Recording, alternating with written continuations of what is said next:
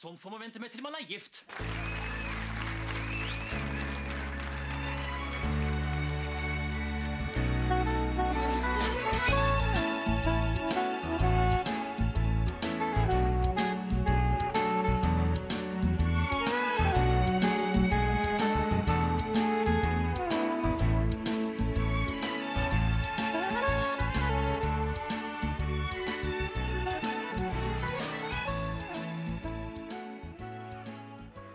Hallo, velkommen til en ny episode av Norsk film filmpodkast. Podkasten hvor vi ser norsk film og TV med et kritisk, men kjærlig blikk. Mitt navn er Emil, jeg sitter her som alltid med. Stefan heter jeg. Og i denne episoden så har vi sett et av 2023 sine store hypes, vil jeg si. Ja, Årets TV-serie ifølge D2, faktisk. Altså I podkasten her så har vi jo på en måte Vi har jo en sånn antikvarisk funksjon, eh, tenker vi. At vi tar disse gamle filmene og TV-seriene som kanskje ikke folk ser så veldig mye i nåtiden, og så lagrer vi et minne om den for ettertiden. Og det her tenker jeg altså vi kan tenke i dagens episode. Nå regner jeg med at de fleste har fått med seg makta, men når lytterne sitter og hører på om dette her om 50-60-70 år, i postapokalypsen, så kan de få et innblikk i hva som red TV-skjermen i det herrens år eh, 2023. Eh, Hva var ditt forhold til makta, Stefan? Du hadde vel sett det før vi så det på nytt nå? Ja, jeg var jo faktisk så heldig at eh, jeg så dette her allerede lenge før det kom på TV-skjermen. For jeg ble jo invitert til en førpremiere fordi eh, noen hadde fått med seg at jeg driver sammen med deg, da riktignok, en av eller, Norges mest populære filmpodkast. Og da ble jeg invitert til førpremiere, og der var Jan Gunnar Røise og Trond Espen Seim og hele gjengen. Så det var deg og Brita Møystad Engseth Ja, ja Birger eh, Hva heter han igjen? Han- Birger Vestmo, Birger Vestmo Sigurd eh, Karstein Meinick fra montasje. Per Hattdal var der, satt bak i salen der, og hele, det var hele gjengen. Og liksom Thorvald Stoltenberg var der, og Krem de la krem? ja, krem de la krem. Men eh, ja, du ble dessverre ikke invitert, da. Men Nei. det hadde bare plass til én en, eh, fra podkasten. Sånn er det. De har sikkert hørt på podkasten, og så har de fått med seg at jeg er litt mer kritisk type enn det du er, Stefan. Tror du det? Så de tenkte at det var det smarteste. Hvis de skulle invitere én herfra, så måtte det bli deg.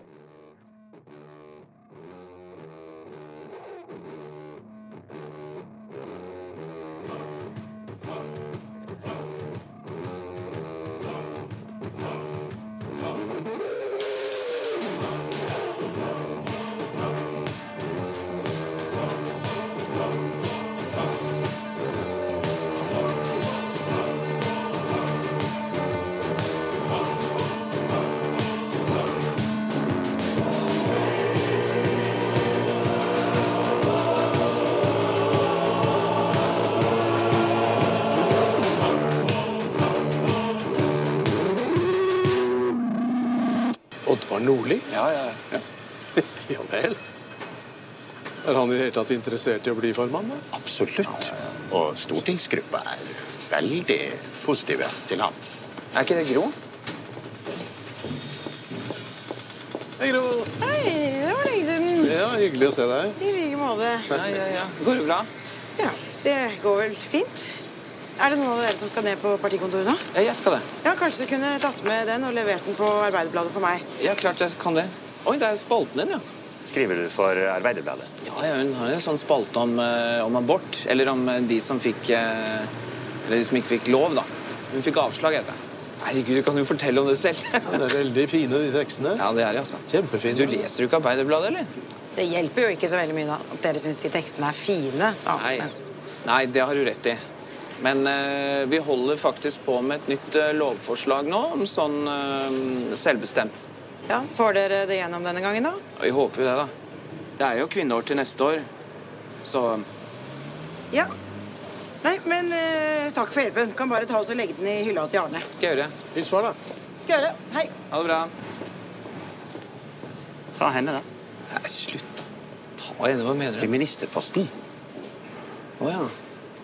Ja, tenker du det? Hun har partibakgrunn, hun er samfunnsengasjert. Pen er hun også. Ja. Er hun bare halvparten så dyktig som sin far, så, så holder jo det. Ah. Men er ikke hun gift med en høyremann? Pragmatisme, det kan vi trenge. Hun er vel så skarp som sin far, spør du meg. Sier du det? Ja, jeg husker jeg var på middag der eh, hjemme hos dem da, da hun var liten. Satt og leste Das Kapitalen. Likte hun den? Hun er lege. Og det liker folk. Og så har hun i tillegg gått på Harvard. Ja. ja, ja. Ingen er perfekt. Som ikke har fått det med seg fra før av, så Makta er en TV-serie som handler om en ganske spesiell periode i Arbeiderpartiets historie. Den går vel fra 1974 og så fram til starten av 80-tallet, i hvert fall første sesong. Ja, jeg tror det er vel det. Det ender vel i 81, hvis man skal være helt, sånn helt uh, nøyaktig. Og det er, jo, det er jo det som er sånn fascinerende at uh, Jeg vet ikke med deg, men for meg så Dette var liksom en historie Jeg har liksom hørt om han møbelhandleren Arild Engen før. Og på en måte tenkte bare sånn Hvorfor er liksom, hvorfor, er ikke, hvorfor ikke hørt mer om dette her?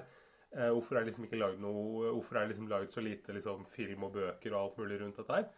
Og, og, så plutselig så var det noen som fikk den ideen, da, ti år etter at jeg begynte å tenke på deg, til at nå, nå er det på tide å få gjort noe ut av det her. Og det er jo ja, Hva med deg? Har du liksom, Kjente du noe til, liksom, kjente du godt til den der perioden fra før?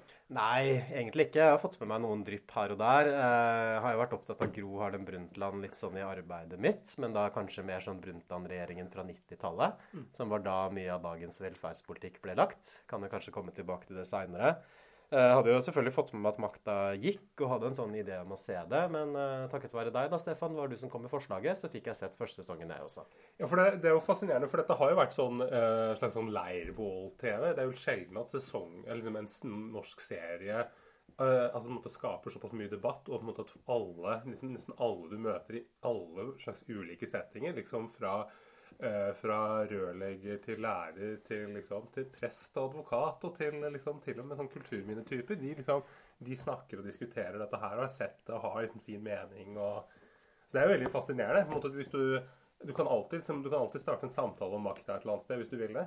Mm. Det, er jo, det er jo gøy i en tid nå hvor liksom, det blir eh, blir stadig mer medie, forskjellige medietilbud, og folk liksom driver og ser på sine egne greier. Jeg syns det er litt fint også, for det viser jo på en måte at lineær-TV fremdeles har noe å komme med. da, Selv om det er jo mange som sikkert så makta på NRK sin nett-TV, sitt nett-TV-tilbud. Det er ikke det, men det har i hvert fall vært en sånn vanlig serie som kommer liksom én episode i uka, som folk følger fra uke til uke, mm. istedenfor den der Netflix-modellen hvor hele sesongen bare slippes på én gang. Og jeg må si at jeg foretrekker helt klart den førstnevnte formen. Ja, jeg er helt enig. Jeg, jeg liker det at, måte, at jeg kan sitte og glede meg til det kommer en ny episode. Mm. Jeg kan jo få med serieskaperen her også. Det er da Johan Fasting, Kristin Grue og Silje Storstein.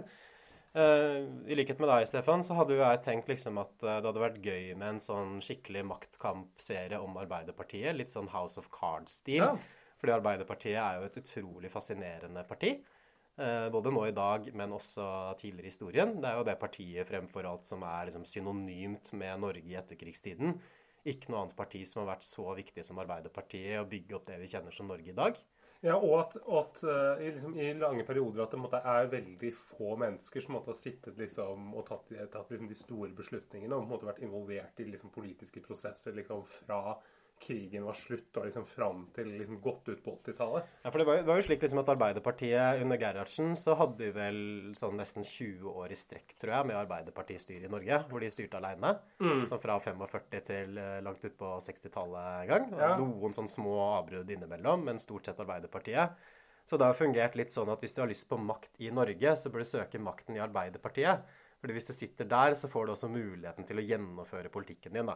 Kanskje ikke så mye nå enn eh, sånn det var før. Og så har jo Arbeiderpartiet alltid hatt rykte på seg for å være en litt sånn lite demokratisk organisasjon.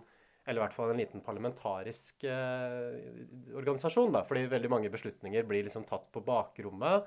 Baklukkede dører. En liten gjeng. sånn... Eh Einar Gerhardsen, Håkon Lie og Jens Christian Hauge. De sitter liksom og konspirerer sammen, og da ofte sammen med LO, da, ikke sant, som Arbeiderpartiet vokser litt ut fra, egentlig. Mm. Så det er liksom LO og Arbeiderpartiet som er de to virkelig sånn styringsorganisasjonene. Det er jo en sånn eh, Er det Jens Arild Seip han heter? Han historikeren? Han beskrev jo Norge som et ettpartistat. Sånn basically i etterkrigstiden. At vi hadde jo andre partier også, selvfølgelig. Så det var ikke ettpartistat sånn som man hadde i Sovjetunionen og de landene der. Men fremdeles så var det sånn at det partiet hadde så utrolig mye mer makt da, enn de andre partiene til sammen. Så i praksis så var det Arbeiderpartiet som styrte. Ja, og de har jo etter, um, etter andre verdenskrig også hadde de jo flere flertallsregjeringer også, hvor, de, måte, hvor det var over 50% av stemmene gikk til Arbeiderpartiet. Og det er jo ganske unikt sånn sett i norsk sammenheng. Og dette er jo liksom en del av den der skandinaviske sånn bølge med liksom store sosialdemokratiske partier. Man hadde jo liksom i, man hadde jo i Tyskland, og man hadde det jo i liksom mange europeiske land etter andre verdenskrig. Men det er jo liksom i Sverige, spesielt Norge, Sverige og Danmark hvor du på en måte har virkelig bygd den her velferdsstaten med Arbeiderpartiet som pådriver. Vi kan jo sette i gang med serien, kanskje. Eh, Altså, Serien varsler eh, på starten av hver episode at den er basert på sannhet, løgn og dårlig hukommelse. Dette kan vi jo også diskutere mer seinere, kanskje. Sånn, hva slags stil er det serien legger seg på? Er det på en måte en fiksjonalisering? Hvor går grensene mellom virkelighet og dokumentar på den ene siden og liksom show og satire på den andre? Ja, det er det er jo noe som har liksom blitt diskutert veldig mye i media, men vi kommer tilbake til det. Eh, det, det, man, det, man, det første man legger merke til her, er jo liksom denne her eh, introen med liksom en sånn med en ganske sånn slående, sånn fengende musikk som på en måte virket kunne liksom vært et sånt klipp fra liksom Internasjonalen eller noe sånt. Sånn, jam, jam, boom. Og så er det en sånn eh, litt sånn eh, filmaktig sånn snutt liksom i sånn Super 8-film som liksom går over, eh, flimrer over skjermen. Og en fun fact her til dere lyttere. Vet dere hvem som har filma den Super 8-introen? Nei. Jan Gunnar Røise. Det han, Han er Super 8-filmnerd, Å ja, så han går ofte rundt og filmer med Super 8-kamera. En ting dere ikke visste om, om Jan Gunnar, dere. Eh, Episoden åpner jo også med Jan Gunnar Røise, da i rollen som Reiulf Steen. Eh, Han sitter og doserer på en pub med en pils eh, foran seg. Får jo inntrykk av at dette er en setting som han trives godt i. Han stiller spørsmålet Trenger folk egentlig staten? Dette her er jo akkurat noe du kunne gjort, Emil. Sitte på en eller annen sånn brun pub og liksom diskutert um, liksom kapitalisme og, og Ikke- staten og Ikke bare kunne gjort, men jeg gjør det ganske mye. Det er, det, er, det, er det, er, det er når du er på jobb, så sitter du vel på en eller annen pub. Og så kommer Einar Førde bort og driter ham litt ut. Sånn der, Hva er det det går i nå? Er det Marx, Lenin, er det Trotskij eller Plotskij? Og det er jo kanskje mer deg, Stefan. Du er litt mer Førde-typen. Men likevel så er de gode kamerater, og det er jo, det er jo litt sånn som deg og meg. Så på en måte der allerede der så kjenner vi jo oss igjen. Men det etablerer i hvert fall, hvert fall Braulf Steen veldig tydelig som en karakter der fra start. For han er en litt sånn drømmende, litt visjonær type. Tydelig, tydelig på venstresiden. Og det jeg har fått med meg også om Reiulf Steen i det virkelige liv, var vel at han var en slags sånn ungdommelig impuls inn i Arbeiderpartiet på 70-tallet. Altså 70-tallet var en periode hvor det var veldig mye sånn eh, politisk konflikt internt i sosialdemokratiet mellom høyre- og venstresiden, hvor høyresiden etter hvert vant fram. Og Reiulf Steen eh, han er, representerer jo helt tydelig venstresiden her. Han har kanskje liksom sett litt til ungdomsopprørene. Han er kanskje litt mer Nato-fiendtlig enn det som er vanlig i Arbeiderpartiet. Eh, Altså en, eh, en drømmer. Ja, for det, han har liksom de store tanker som han Han er jo også han er han jo liksom Han har en sånn klassisk arbeiderbakgrunn. liksom Far som jobba på sprengstoffabrikk i Hurum og liksom Og slo seg da opp liksom i Arbeiderpartiet på, på, på rekordtid. Og ble og ble liksom en sentral skikkelse i Arbeiderpartiet liksom på, på 70-tallet. Han er vel den siste arbeiderpartilederen som hadde arbeiderklassebakgrunn, og som hadde jobba eller vært arbeiderklasse før han ble leder. Ja, det er vel Du kan jo på en måte på mange, tro, eh, Torbjørn Jagland har vel i hvert fall en sånn litt sånn eh, enklere bakgrunn. Ja, Men han men, har jeg ikke- men, han har ikke vært arbeider selv, mens. Reiulf Steen var det. Og før det så var det sånn som Einar Gerhardsen, f.eks. Han var jo ufaglært arbeider. Samme med Johan Nygaardsvold. Ja, det var en-. Det var en tradisjon for det Arbeiderpartiet at de tok lederne sine fra det private næringsliv, fra arbeiderklassen der. Og Reiulf Steen er det siste eksempelet på det i nyere norsk historie. Og så spørs det vel kanskje om det blir Det ser ikke så sånn lovende ut akkurat nå, i hvert fall. ser ut nå, men uh, mye kan jo skje. Um, Og så, og så er det jo Fordi den andre sentrale karakteren her er jo en som vi klipper til litt seinere. Det er jo Gro Harlem Brundtland. Og eh, vi kommer da liksom rett inn i en sånn abortnemnd. Fordi før, hvis eh, kvinner skulle ta abort, før det var selvbestemt abort, så måtte du da liksom gjennom en sånn nevn med leger som da satt og vurderte liksom hver enkelt sak, og på en måte sa, sa ja eller nei til om du fikk lov til å ta abort. Og i den nemnda så sitter Gro Harlem Brundtland, for hun er lege, eh, født liksom, bor på Bygdøy. Utdanna på Harvard. ja, det får vi høre mye. Og datter av liksom, tidligere forsvarsministeren og Arbeiderpartimannen Gubbe Harlem. Så liksom, hun er jo Det er jo liksom dette arbeiderpartiaristokratiet. Ja, hun er jo nesten, nesten adelig, tenker jeg. Så, I hvert fall i norsk kontekst. Og det som skjer i denne abortnemndscenen, er det at Gro Harlem eh, kommer da i konflikt med de to andre mennene, selvfølgelig, som sitter i denne nemnden. Fordi Gro har lyst til å godkjenne abort som de mener det ikke fins medisinsk eh, grunnlag for. Og det etablerer jo henne ganske tydelig som en person som ligger litt i forkant, i hvert fall på kvinnesaken. Og at hun også er vant til å ta en del fighter med menn i autoritetsposisjoner. Ja, og vi skjønner jo på en måte at hun er på, måte på de gode side her. Liksom, hun, eh, hun tenker Hun er moderne liksom, kvinne, høyt utdanna, som, som, eh, står på abort. Liksom de svake side, da. Ja, hvis vi kan gå tilbake til denne barscenen på starten av episoden, for her er det noe ganske sentralt også som skjer. Fordi det Einar Førde kommer inn og informerer Eiulf Steen om, er at uh, Trygve Bratteli, som da var leder og statsminister i Arbeiderpartiet, har visstnok gitt et intervju hvor han sier at han kommer til å trekke seg som partileder. Og heller bare fortsette som statsminister. Det er Brattelis plan.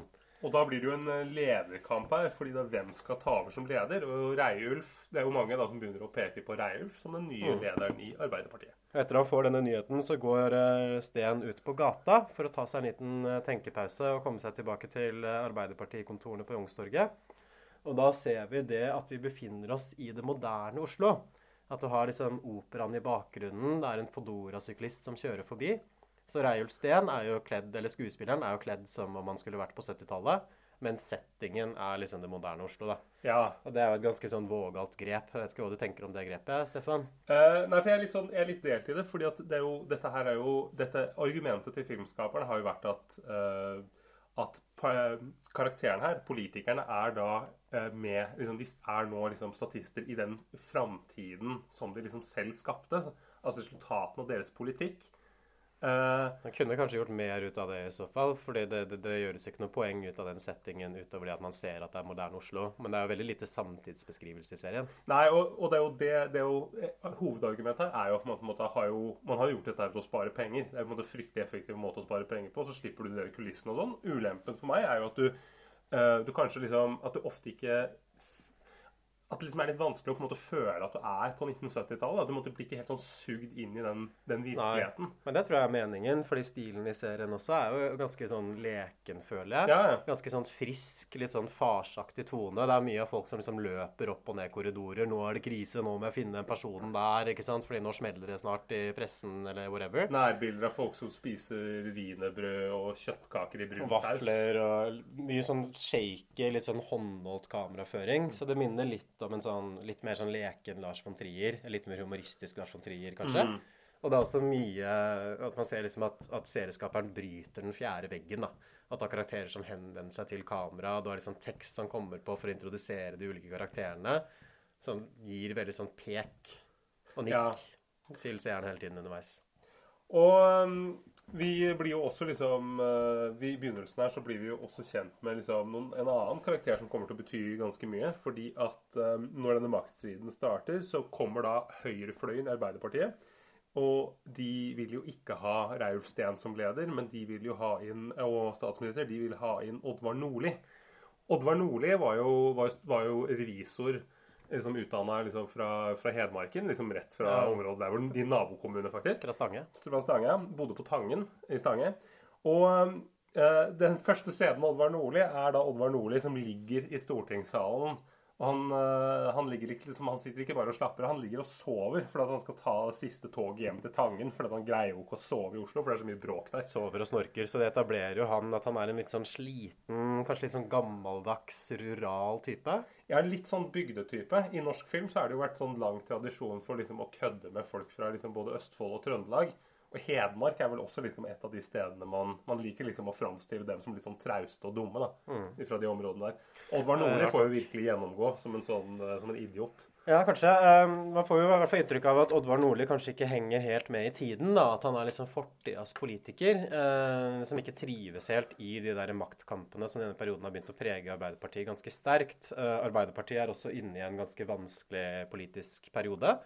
De blør eh, velgere til både venstre- og høyresiden. De framstår som tiltaksløse. Eh, minner jo litt om dagens situasjon, kanskje, men forskjellen er at Arbeiderpartiet da lå på 35% Så det var krise på 70-tallet. Og i dag så ville jo en måling på 35% Da hadde det vært bløtkake på kontoret i et år etterpå, tror jeg. Men samtidig, tenk utviklinga liksom fra sånn rundt 1950 med å ligge liksom på 50 da, så er det, jo, det er jo et fall, da. Ja, Det er jo det liksom at Arbeiderpartiet mister litt det vi snakka om innledningsvis. At de har det der selvsagte grepet om den norske politikken som det de har hatt. At de styrer liksom på default, da. ikke sant? Selvfølgelig kommer vi til å vinne valg. Selvfølgelig får vi 40-50% fordi vi er Arbeiderpartiet. Det begynner å trues mer og mer nå, fordi man har denne høyrebølgen da, som virkelig slår inn på 80-tallet, og som er sånn i emning. Men Oddvar Nordli han blir i hvert fall brukt som en slags sånn marionette fra liksom en sånn eh, Fra liksom den høyrefløyen i Arbeiderpartiet, som da er eh, som styres da av uh, Bjartmar Gjerde og Ronald By. Eh, Ronald By var eh, vår partisekretær i Arbeiderpartiet, en slags sånn Martin Kolberg, hvis dere Stemmer, vet ja. hvem han er. Og um, Bjartmar Gjerde ble jo, er jo mer kjent som sånn kringkastingsminister. ble det, En sånn fyr med sånn piggsveis fra, fra Vestlandet. Men her er vel han industri og næring, er han ikke det? Jo, han var det først, men han ble Ja, men i, i serien, da. I serien er han Ja. det. Men, uh, men det er viktig. Jeg tenker på en måte, jeg tenker å skape liksom for unge lyttere. For på en måte, Å, Bjartmar Gjerde! Men han var jo ikke minister, så kan jeg si jo, jo, men han var kringkastingsminister, og da, eller kringkastingssjef, og da tenker folk bare sånn Ah, det er han, ja! Bjartmar Gjerde, ja! Vesentlig poeng. ja. Einar Førde også ble jo senere kringkastingssjef. kan man Det, si. det ble han. Um, vi kan jo si litt om hvordan Gro Harlem Brundtland kommer inn i denne suppa. Fordi Arbeiderpartiet trenger en ny helseminister, og den personen må være en kvinne. Eh, Gro Harlem Brundtland er jo lege og kvinne. Så det er kanskje naturlig at hun skulle være helseminister. Men nei, hun blir eh, kalt inn på statsministerens kontor eh, for en audiens med Trygve Bratteli, som sier at han vil jo igjen jobben som miljøvernsminister. Jeg vil be deg tre inn i regjering. Ehm, Ja, ditt navn ble foreslått i forbindelse med en ministerpost som har stått ledig hos oss. du vil jeg skal bli helseminister? Nei, Nei. Er det ikke, er det ikke den som er ledig? Eh, jo, men du er lege, er du ikke? Jo. Ja, men Da vil jeg du skal bli miljøvernminister. Ja, Nå har jo ikke jeg vurdert dette veldig lenge, men er det ikke mer Vi eh, prøver å unngå ekspertise blant våre statsråder. Ja, riktig. Jeg mistenker likevel at hvis jeg først skulle gått inn i politikken, så ville jeg kunne gjøre en bedre jobb med Helsedepartementet enn med Ja, hvilket var det du sa? Miljøvern. Hadde det vært noen andre enn deg, så ville vi sikkert vurdert helse og sosial. Men ved du, med din utdannelse hmm. Og sånn som serien framstiller det her, er jo litt at Arbeiderpartiet har en sånn høyere utdanningsforakt. Og at dette her er en litt sånn arbitrær, merkelig politisk vurdering. Arbitrær, hva er det for noe? Det er sånn tilfeldig at det ikke har noe sånn god rot i virkeligheten, men at det er et sånt prinsipp da, som de har lagt seg på, og som nå er fryktelig utdatert.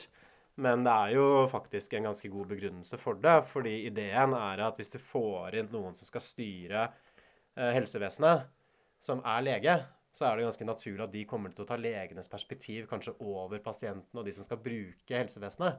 Ikke sant? Fordi det når- du er eh, styrer over helsevesenet eller over utdanningssystemet, så er det ikke bare arbeiderne du skal representere, men du skal jo også kunne ta politiske vurderer, vurderinger som kanskje tar Som går litt imot da, måte, Også. interessene til din yrkesgruppe. Og derfor hadde man et sånt prinsipp om at det er dårlig for eksempel, hvis en lærer blir utdanningsminister, minister, for da er det læreren sitt perspektiv som kommer til å prege utdanningspolitikken. Ja, fordi du bare ser, du blir litt ensidig. Og så har du Ja. faren også, er jo at du på en måte at du, eh, du stoler eh, mindre på fagfolkene som gir deg råd, fordi at du selv er lege og tenker da på en måte at her Jeg har vet jeg noe å komme. ja. Jeg vet best, jeg vet bedre enn disse menneskene her. Så det er jo en ganske rasjonell politikk, egentlig, eller hva tenker du? Eh, ja, jeg har ikke noe jeg har, altså, jeg har ingenting å utsette på det. Men så har du jo også eksempler liksom, gjennom historien på liksom, at ja, Sånn som Per Kleppe, som vi kommer til seinere her, han var jo sosialøkonom, f.eks. Ja, det- var finansminister. Det er jo unntaket, unntaket og det, det er jo ikke sånn at Arbeiderpartiets regjeringer var helt uten uh, høyt utdanna folk. Sånn tvert imot så var det jo masse økonomer og ingeniører og jurister som satt eh, til og med i Gerhardsen sin eh, første og andre regjering.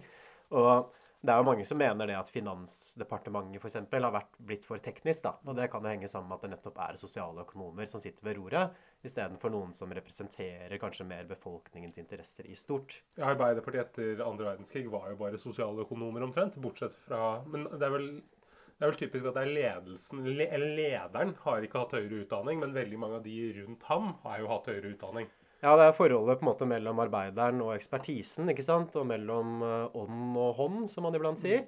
Da var jo prinsippet det at man skulle ha en ufaglært arbeider gjerne i topp, sånn som Einar Gerhardsen f.eks., som satt og styrte over et statsapparat med høyt utdanna folk, som ofte kom fra høyere sosiale sjikt enn ham selv. Men det sier jo også litt om den makten som arbeiderklassen tross alt hadde, og som kanskje Gro Harlem Brundtland representerer litt slutten på.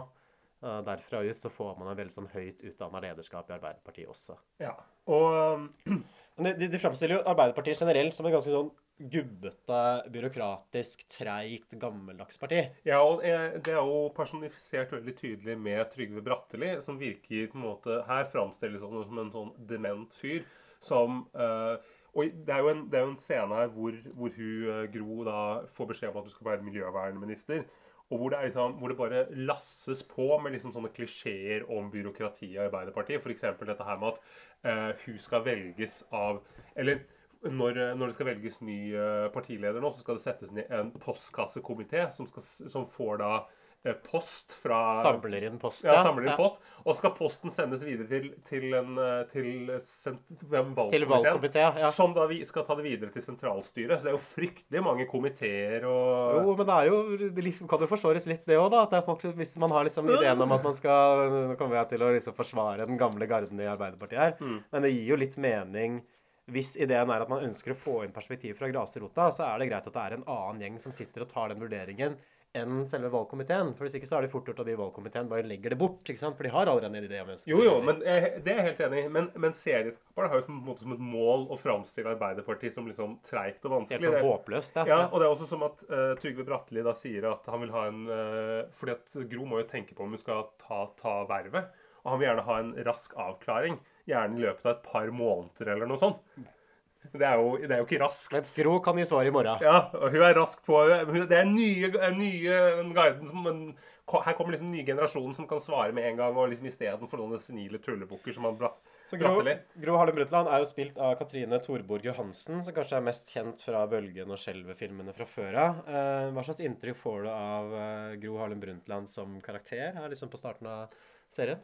Eh, nei, det virker jo som en sånn helt en, Hun virker jo helt perfekt. Det virker jo på en måte som en, uh, som en, liksom en, en pliktoppfyllende type. Som, måte, som gjør det hun får beskjed om, som ikke bedriver noe maktspill, og som, som bare er liksom en god, god soldat og, og en, dyktig liksom, dyktig parti... eh, Eller en dyktig minister. Ja, Hun er veldig kompetent, hun er skarp, og så er hun også veldig sånn no bullshit. ikke Ja, sant? Eh, rett drit, fram. ja, rett, hvorfor skal vi gjøre på den, ting på den tungvinte måten her? ikke sant? Gir det ikke bare mening at vi gjør ting på denne og denne måten? Bare sier ting som de er, litt sånn rett fram, sånn som noen av de mannfolka også er i den serien her. Men Trygve Bratteli er da ikke en av dem. Men i hvert fall, mens, eh, mens Gro Harlem Brundtland får denne miljøvernsministerposten, så spisser jo lederkampen seg til. Fordi det er et uh, oppslag i uh, avisa, det er vel Arbeideravisa, er det det den heter? Arbeiderblad. Arbeiderbladet, om at uh, Oddvar Nordli pekes ut som ny formann. Dette her liker jo Reiulf Steen veldig dårlig, fordi han vil ha makten selv. Og Reiulf Steen blir da henta av Trond Espen Seim i rollen som Arvid Engen. Hva slags karakter er denne Engen, Stefan? Arvid Engen var jo um, Han var en sånn fyr som man egentlig aldri ble klort på. Han eh, hadde drevet en møbelbutikk på Jessheim, eller, og det gjør han i serien her òg. Eide ganske mange eiendommer liksom, i Jessheim. Var liksom god for uh, Det var ganske mange millioner. Og egentlig en rik fyr. Og hadde liksom vært tilknytta Arbeiderpartiet. Hadde vært i noen sånn Stay Behind-grupper liksom under andre verdenskrig. Og var liksom ganske nært knytta til Arbeiderpartiet. med Ja. Steen, blant annet, tror jeg. Ja, og, ja, for det var det hvor det var mange, mange Arbeiderpartifolk som var involvert. Eh, så, så han er jo en sånn type man selv i dag egentlig ikke har fått helt taket på, men han bedrev i hvert fall et sånt maktspill i bakgrunnen, hvor han på en måte trakk i trådene, liksom snakka med eh, Snakka med liksom høyt oppsatte folk i Arbeiderpartiet, som åpenbart da betrodde seg til ham. Og så droppa han, ga han denne her, eh, informasjonen han fikk, ofte videre til liksom noen journalister. For det er jo greia vi, ser at han driver og tar opp alle samtalene. Ja, så hver gang han ringer til folk, så setter han på båndopptakeren. Så han liksom, og så driver han kat øh, katalogiserer det i sitt personlige arkiv. Mm. Skriver som Reiulf, oktober 79. Det er den kassetten. Hva tror du var motivasjonen til Arvid Engen? da? Altså, Han virker jo på meg som at han er ganske sånn tydelig politisk på venstresiden. Så det er nok én ting at han støtter Reiulf Steen. Han er for, for grunn av at liksom, han oppfatter han som venstresidens mann. Han er jo ganske sånn skeptisk til CIA, til Nato, til antikommunistisk overvåkning og den type ting. Og så virker det jo også som at han er drevet av uh, At han får litt sånn kick av å være med på disse prosessene. Han er jo en slags sånn ubetalt, uoffisiell politisk rådgiver, egentlig, for Arbeiderpartiet, men også for lederen i LO. Og ja. liker veldig godt å liksom stikke nesa si inn i den der interne businessen i Arbeiderpartiet. Ja, og vi ser jo, Det kommer jo flere scener etter hvert hvor han har da liksom møter i denne møbelbutikken sin med sånn Chesterfield-møbler og sånn, hvor han sitter sammen med liksom LO-formannen og Reilf Steen, og så diskuterer de liksom saker helt åpent. Hvem som skal bli neste leder i ja, Arbeiderpartiet. Bli neste leder, ja. den, den, diskusjonen den tar de der. den tar de liksom på Jessheim i møbelbutikken. Ja. Eh, og for dere som er liksom lokalkjent eh, liksom i Akershus, så må, la dere kanskje merke til noe morsomt her. fordi den møbelbutikken hvor vi filmer Espen, hvor serien filmer Espen, Espen Seim, den er jo ikke den ordentlige møbelbutikken på Jessheim. Men det er en møbelbutikk som ligger liksom rett utenfor Høren i Vestby, langs gamle E6-en der. Hvor det før var, en sånn campingplass, og nå liksom har det vært sånn Chesterfield-salg der.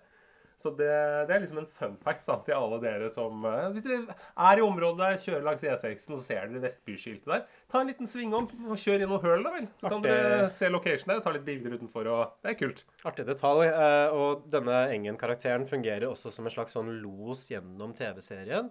At det er ganske mange scener hvor han sitter og blir intervjua.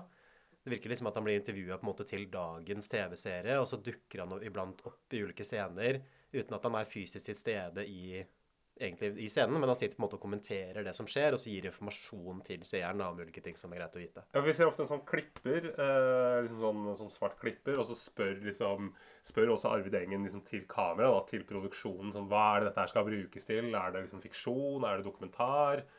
Og når ah, skal det foregå, er det, skal det foregå en gang på 70-tallet?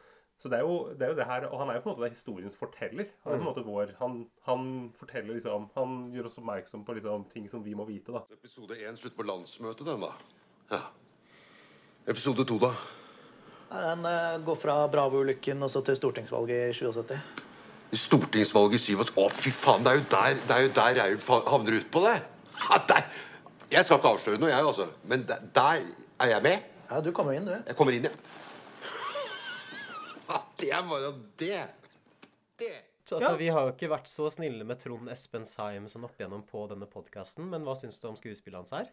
Dette er jo uh, Trond Espen Seim på sitt beste, for han spiller jo ofte mye av den, den samme rollen. Men han er liksom sånn derre Men han er en sånn kvikk type, liksom. Kvikk i replikken, liksom svarer liksom direkte. Veldig sånn glad, liksom mye humør og sånn. Sånn som han gjør ganske godt. Liksom, og liksom brumlebass samtidig. Ja, han er jo veldig godt god komisk skuespiller. Ja, viser seg her liksom At han har et sånn der komedietalent som jeg ikke har uh, sett blitt utnytta før. Så det var en litt sånn åpenbaring egentlig for meg å se Trond Espen Seim i disse scenene. Jeg koste meg veldig med den karakteren. Ja, jeg syns, uh, også det er en av liksom, de mest uh, minneverdige karakterene.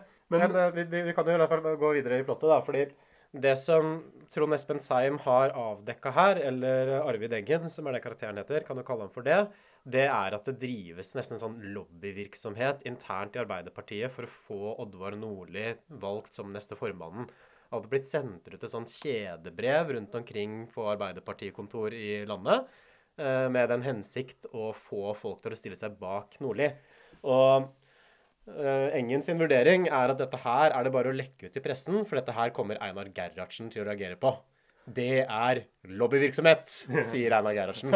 Og når Einar Gerhardsen eh, reagerer, da følger liksom resten av partiet etter. For han er fremdeles litt som syvende far i huset, egentlig. Den sentrale maktpersonen i Arbeiderpartiet, selv om man ikke bruker den makten så veldig uh, aktivt. Så hvis han går imot, så er det bare, er det bare å rette seg etter det han kommer med. Ja, og, det, og han, eh, Einar Gerhardsen kommer selvfølgelig inn i bildet her, fordi at det blir jo liksom veldig mye fram og tilbake da, hvem som skal bli formann og statsminister. Og så er det noen som liksom begynner å trekke litt i tråden her og skjønne at for at, for at denne kabalen skal gå opp, så må én bli statsminister, og så må det være en annen person som er leder. Ja, Det er jo Gerhardsen som kommer med den løsningen der. ikke sant? Fordi Problemet til Arbeiderpartiet nå er at du har en venstreside i partiet. Den er representert av Reiulf Steen. Reiulf Steen har veldig godt forhold til LO, som er sentralt. Og så har du Oddvar Nordli, som er liksom høyresiden i partiet som kanskje representerer mer den politikken som partiet egentlig ønsker å føre sentralt. Ja. Så det er litt sånn grasrot mot ledelsesdynamikk. Og så kommer Og da er det jo stor risiko for at det blir veldig mye intern splid dersom man skal velge den ene over den andre.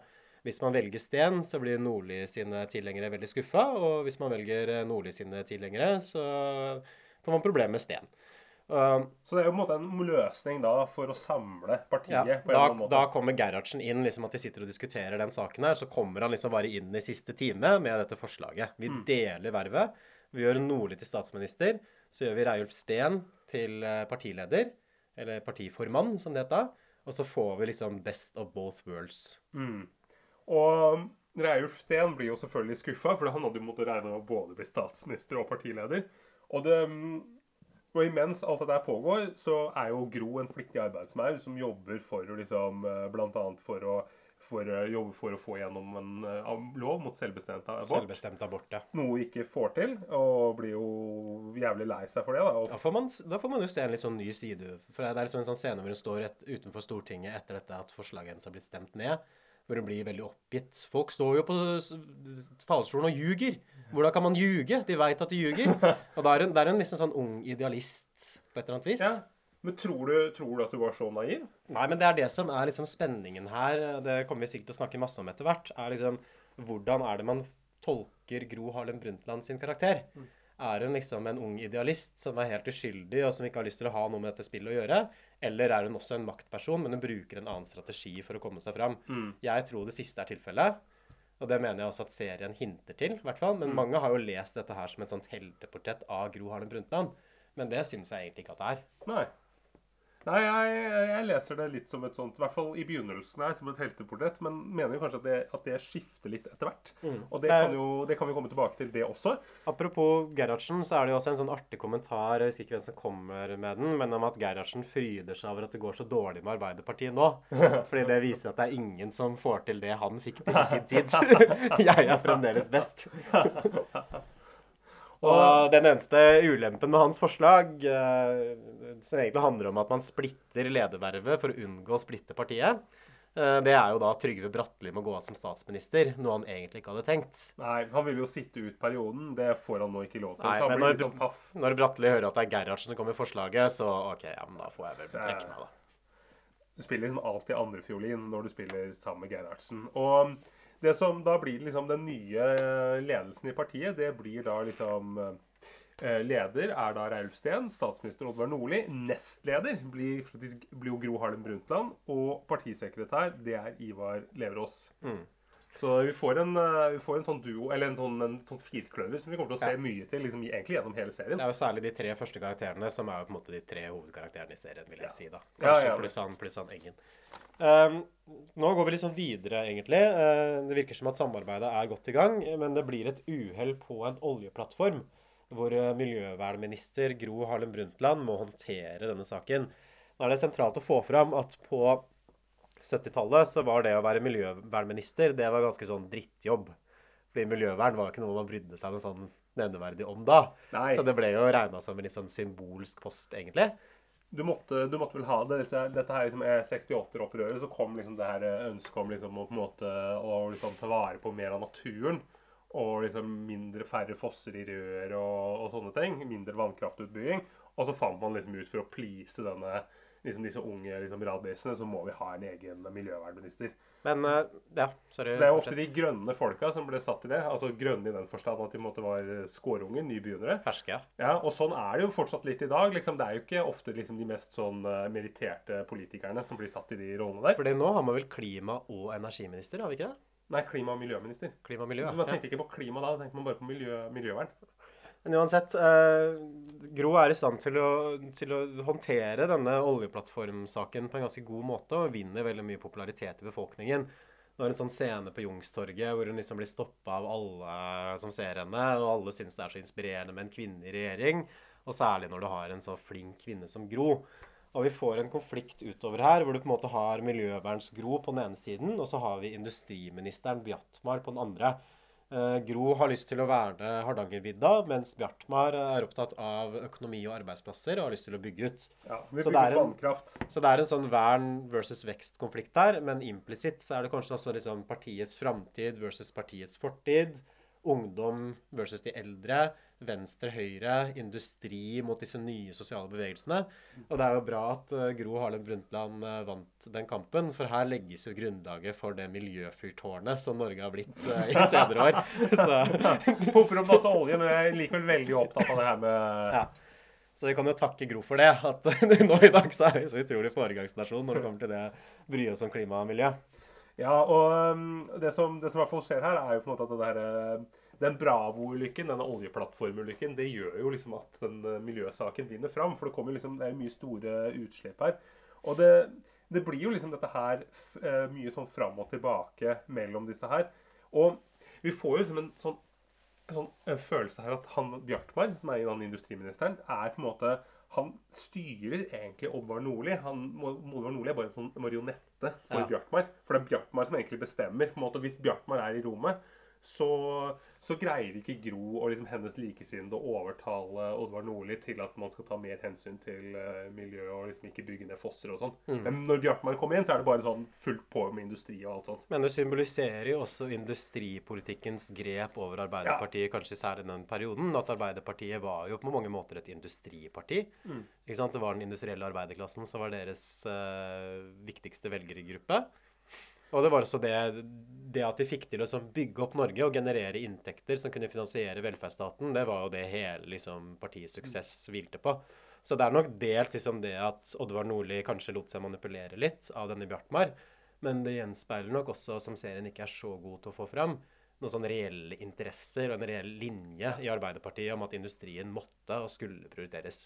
Ja, og det er jo Det jo Det er jo en veldig sånn Det er jo igjen overgangsperioden på 70-tallet, da den liksom motkonjunkturpolitikken kommer. med at man på en måte man prøver Det går veldig dårlig med mye norsk in- eksportindustri fordi pga. Liksom konkurransen fra liksom lavkostland. Og så er det veldig mange store industribedrifter som liksom går over ende i den perioden.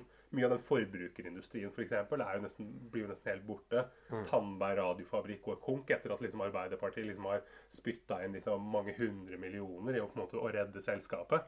Og måtte til og med satt seg selv inn i styret på en helt annen måte. No, som, på en måte som du aldri ville gjort i dag. da, liksom at, måte, at staten hadde involvert seg så kraftig i å redde, redde liksom store industribedrifter. Så dette her er jo det er jo det vi virkelig ser her nå. Men det er jo som du sier, det er litt, litt, det er litt dårlig formidla. Ja, for de blir formidla liksom at ah, se på Nordli, denne liksom forfjamsa Ja. tosken her, ikke sant, som ikke veit bedre. Og Gro har egentlig de beste argumentene, så hun burde på en måte ha vunnet den konflikten. Så det er jo litt sånn typisk for sånne politiske satireserier at de blir veldig opptatt av liksom det politiske spillet og det mellommenneskelige aspektet ved det.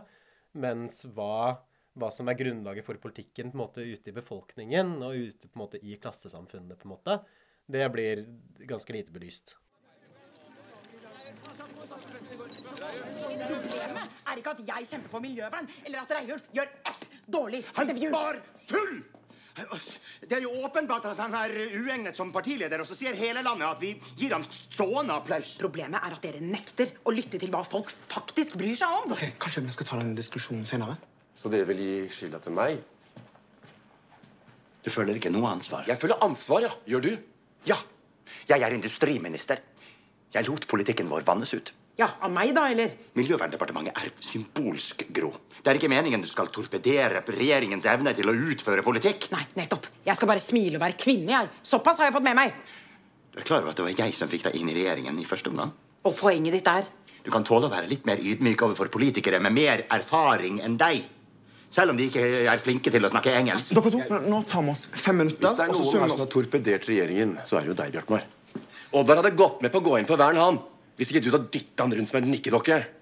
Om forlatelse? Trenger ikke å gjøre alt som Bjartmar ber om, vet du, Oddvar. Vet du, Det er du som er statsminister. Da kan du bestemme litt sjøl òg. Altså, her står vi og krangler om hvorfor vi taper valget. Som om ikke velgerne kan lukte på 20 mils avstand. Ja, vi, vi har en statsminister som bare har lyst til å dra hjem til Hedmark og legge seg under dyna. Ærlig talt, Reulf. Dette nekter jeg å høre på. Har du nerver til å stå her og anklage oss? Etter alt det dritet du har funnet på? Folkens, nå holder det. Samtalen er over. Gå og ta dere en kaffe. Jeg er ikke noen nikkedukke. Nei, Oddvar. Nei, Oddvar, det er du. Du er ikke noen nikkedukke. Hvorfor sier han sånt? Jeg tror folk at jeg bare gjør som du sier? Nei. Nei, det kan jeg aldri tenke meg. En ting som vi også finner, her, finner ut her, som er ganske, eller veldig viktig utover, egentlig, er eh, at Reiulf Steen har litt problemer med, lite problemer med madammen. Han har måttet flytte ut fra kona Liss. Eh, han har rykte på seg for å være en uh, skjørtejeger, eh, Steen. Og han har også et alkoholforbruk som jeg tror er noe høyere enn de nasjonale kostholdsrådene som kommer til å komme nå. Altså, I Sverige så er det vel sånn at hvis du drikker mer enn fire enheter på en kveld, så skal du be om hjelp. Hæ? ja, det tror jeg faktisk er. Så hvis du tar deg mer enn fire vinglass, så burde du egentlig kontakte kontakte ruspsykiatrien en gang. Ja, vi ringe ruspsykiatrien etterpå? da? Ja, og, og Reiulf Steen eh, ligger nok eh, både to og tre og fire ganger over det. Så det er, det er f.eks. en sånn greie hvor han skal holde landsmøtetale. Og så drikker han seg veldig veldig full kvelden før mens han skal skrive denne tala. Og blir liksom henta av han derre Engen. Og er så vidt liksom han kommer seg på talerstolen i det hele Mm. tatt. Eh, Ja, møter opp helt sånn møkkings der. Han gir også et veldig sånn uheldig intervju til Ny Tid, som var sånn SV-avis, hvor han går liksom mot sitt eget partiprogram, som serien framstiller som at han var så fyllesyk, og at han fikk bare helt packeren. For han sliter også en del med angst, som gjorde at han, han svarte på en dum måte, da. Ja, øh, han avfeier vel det pro- partiprogrammet da, som han har skrevet selv, som liksom bare rent visvas. Og her, øh, her, her i den setningen her så skjer det noe som, som jeg liksom har litt problemer med i den serien her. At øh, noen ganger For dette er, dette er en satirisk serie som er veldig opptatt av at den skal være den er opptatt av satire. Og noen ganger så blir denne satiren sånn litt overtydelig. At det måtte bli litt dumt. Eh, og et eksempel på det er når, når de liksom skal sitere fra dette partiprogrammet, hvor da uh, hvor det da står svart på hvitt i partiprogrammet at kanskje, kanskje ikke skal vi finne ut av ting. Men var det reelt, eller var det det, det, kan, det kan jo ikke være det. Det er jo ikke det. Det høres ut som en måte sånn Det er jo på en måte en, en Hvorfor kunne man ikke liksom Hvorfor kunne man ikke tatt Det er jo mange Det er jo mye visvas i vanlige partiprogrammer. Hvorfor kunne man tatt, liksom, tatt noe som det faktisk Som er litt mer realistisk å kunne stått der? Hvorfor må man Hvorfor må man smøre så tjukt på, sånn at selv liksom de dummeste skjønner liksom at dette her Dette er tull. Ja, det betyr ingenting, nei. Kanskje, Nei, det er ikke. jo en del av den generelle nedvurderingen av kompetansen til folk i Arbeiderpartiet, bortsett fra Gro Harlem Brundtland Mm. selv, egentlig. Og man kan jo lure litt på sånn, hvordan var det partiet er i det hele, stand, det hele tatt i stand til å kunne styre Norge på en sånn noenlunde effektiv måte. Ifølge den serien her så var det jo ikke det i det hele tatt. Ja, Altså Bakgrunnen der er at 70-tallet var jo liksom virkelig det sånn norske gullåret. Da på en måte den moderne velferdsstaten. De fant olja og liksom den, der, den moderne velstanden vår. Det grunnlaget ble lagt. Og det skulle man jo ikke tro når man ser liksom hvordan Sten og Nordli og resten av gjengen holder på. da. Bare en sånn gjeng med imbesile som liksom bare driver og surrer rundt og bare snakker om Hedmark og, og ikke, ikke er klar over og eh, liksom ikke klar, Vet ikke at møtet har begynt engang. Bare sitter der og liksom tror at ingen har kommet inn i rommet og Surrer, ja. sånn. Mm, og Bare det- surr. Og det, vi får et godt eksempel på det i kommunevalgkampen 1979. fordi da skal Arbeiderpartiet sette startskuddet for valgkampen fra et tog. Hva er det vi skal se på nå, da? Nei, Nå har vi kommet til eh, kommunevalget 79, hvor eh, Gro og Reiulf-gjengen har bestemt seg for at de skal drive valgkamp fra et tog. Faen, det togturen, ja.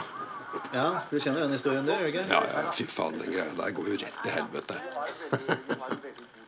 Ja, ja, det gjør faktisk det. Tut, tut. De skal ta toget fra Oslo til Trondheim, er det vel? Eh, hvor de har fullasta toget med sprit, øl og journalister. Og togturen utvikler seg da til å bli en sånn skikkelig skikkelig fyllefest, liksom, som går helt av skaftet. Ja, fordi de laster på liksom sånn svære flere paller med sprit. Og, liksom, og, og dette er jo liksom i en sånn, sånn amerikansk valgkampstil. ikke sant? Som, hvis, hvis du har sett liksom amerikanske valg, valgkamper fra liksom 60-tallet, så var det jo ofte sånn at øh, presidenten eller kandidaten da kjørte rundt i sitt eget tog. Og det funker jo veldig fint i USA, hvor det er masse skinner og greier. Men i Norge, hvor du liksom bare kan kjøre et par veier, så kommer du jo ikke så langt med tog. Du kommer jo ikke til hele Norge med det der toget. Det kan hende de var inspirert av Trotskij også, fordi han styrte jo Han var jo sånn der eh, krigskommissær under borgerkrigen i Russland etter revolusjonen. Og da hadde han et tog da, som sin base. Oi, så han har kontor, kontor. på toget. Så han kan bare liksom kjøre hit og liksom der, der Oi, så gøy. Ja. Det, jo, eh, det må være morsomt. Men det, Det som i hvert fall skjer her, da, er at vi blir jo introdusert for en annen karakter som driter seg loddrett ut, og det er jo um, det er jo finansminister Per Kleppe, spilt av, spilt av Trond Høvik. Og Trond Høvik er jo kjent for den der eh, bare Alt for Egil, som en av han litt tilbakestående broren i Alt for Egil. Det er Trond Høvik eh, gjort suksess. Per Kleppe var jo liksom sosialøkonom og finansminister, og, bak, og var mannen bak disse Kleppepakkene, som var en sånn del av den motkonjunkturpolitikken på 70-tallet. Og Per, eh, per Kleppe, han er jo Han driter seg jo loddrett ut, ut her. Ja, for han klarer å komme med Han slipper liksom nyheten om at Arbeiderpartiet skal innføre sånt rentetak. Eh, Jeg trenger kanskje ikke gå i detaljer på akkurat hva det innebærer, men det var i hvert fall en ting som ikke skulle bli sagt akkurat da. Og han eh, blørte liksom ut med dette her til en eh, Dagbladet-journalist som eh, skjenker ham på Calvados i spisevogna. I løpet av togturen så blir vi også mer kjent med Oddvar Nordli. Um, han, ja, igjen, han virker jo som en litt sånn sliten og lei politiker som ikke henger helt med i tiden. Uh, det framstår ikke som at han har de helt sånn store politiske ambisjonene heller. At det er ikke så veldig mye han har lyst til å gjøre med den posisjonen som han har. Uh, han er mer opptatt av at om toget skal stoppe i hjembygda hans Stange, enn å diskutere liksom, hvordan det går med Arbeiderpartiet på riksnivå. Ja, fordi I et intervju med journalist, når, når de spør litt om vyer og hva han har lyst til som statsminister, så snakker han bare om at, eh, at, at, at nå, er Norge, nå er Norge ikke lenger fattig, og velstand er en forbannelse. Eh, og at eh, og liksom at velstand er en forbannelse liksom som eh, Nei, ok, nå, nå kommer det. Velstandens største forbannelse det er likegyldigheten. Og på en måte veldig opptatt av det her med at før så liksom måtte man hadde man liksom bare hadde, man bare ett par sko i familien, så da kunne måtte brød, de to brødrene i familien veksle på å gå på skolen. At folk veit ikke hvordan det er lenger. Man har glemt hvordan det er å være sulten. Og det er, jo, er jo et helt legitimt poeng, men det er jo som du sier, det er jo ikke noe sånn, det er jo ikke noe sånn politiske vyer annet enn at, at folk skal ha mat på bordet, og det har man jo fått til nå, så det er jo, det er jo det- politiske det- prosjektet ferdig da. Men det kan jo være et eller annet med I statsvitenskapen så kaller man det jo for de stigende forventningers misnøye. At regjeringer kan bli litt sånn ofre for sin egen suksess. Fordi jo bedre en regjering gjør det, så vil bare befolkningens forventninger skrus opp enda mer. Og så får til slutt befolkningen helt urealistiske forventninger til regjeringen som ingen egentlig klarer å innfri. Og så blir regjeringen på en måte straffa fordi den har gjort det for bra. Og det kan nok sikkert være litt sånn stemningen i Arbeiderpartiet iblant. Hva faen mer vil dere ha, liksom? Vi har Mm. bygd opp hele det norske samfunnet. Gi oss litt mer kred. Hvorfor vinner ikke vi valg nå? Nei, da skal dere plutselig over til høyresiden. Når vi liksom først har etablert velferdsstaten. Nei, da skal vi ut. Da skal ikke vi ha makt lenger. Den er faen meg grei. At det er en litt sånn utakknemlighet da, i den norske befolkningen. Ja, og det kan det jo, det er, jeg, jeg synes jo de har et poeng, jeg. Vi får også en scene på dette toget mellom Gro og en dagbladjournalist som vel spilles av Samsaya, eller? Var det ikke det? Nei, nei, nei, Nei? nei, nei, det er en helt annen. Det er ikke Samsaya. Nei, jeg trodde det var henne. Nei, nei, nei, I hvert fall, eh, Denne journalisten eh, skryter veldig av eh, Gro. da, Sier liksom at ja, det er så inspirerende å se på deg. Du er en helt annen type politiker enn det vi har sett i Arbeiderpartiet ellers. Og vi får også en sånn dialog mellom Nordli og Brundtland, hvor Nordli sier at uh, Gro må slutte å være så heslig flink hele tiden. Og dette er jo mye konflikten mellom Gro og de andre mennene i partiet. At Gro er jo en veldig sånn flink pike, kan man si. Hun er liksom alltid kontrollert, hun er alltid korrekt, hun har alle faktaene på stell. Hun drikker ikke for mye, hun driter seg ikke noe ut, hun gjør ikke noe tabber. Mens resten av partiet er litt sånn hardbarka, feilaktige, litt sånn grøvere folk. Så det er jo kanskje en viss sånn klassedynamikk her også. Eh, de tar jo alltid opp dette her liksom at hun går, kom, kom fra Harvard. Hun har eh, statsrådsfar. Hun er eh, gift med en høyremann, ikke sant? men hun er fra en annen politisk, hun er fra en annen klasse da, Mm. enn resten av partiet.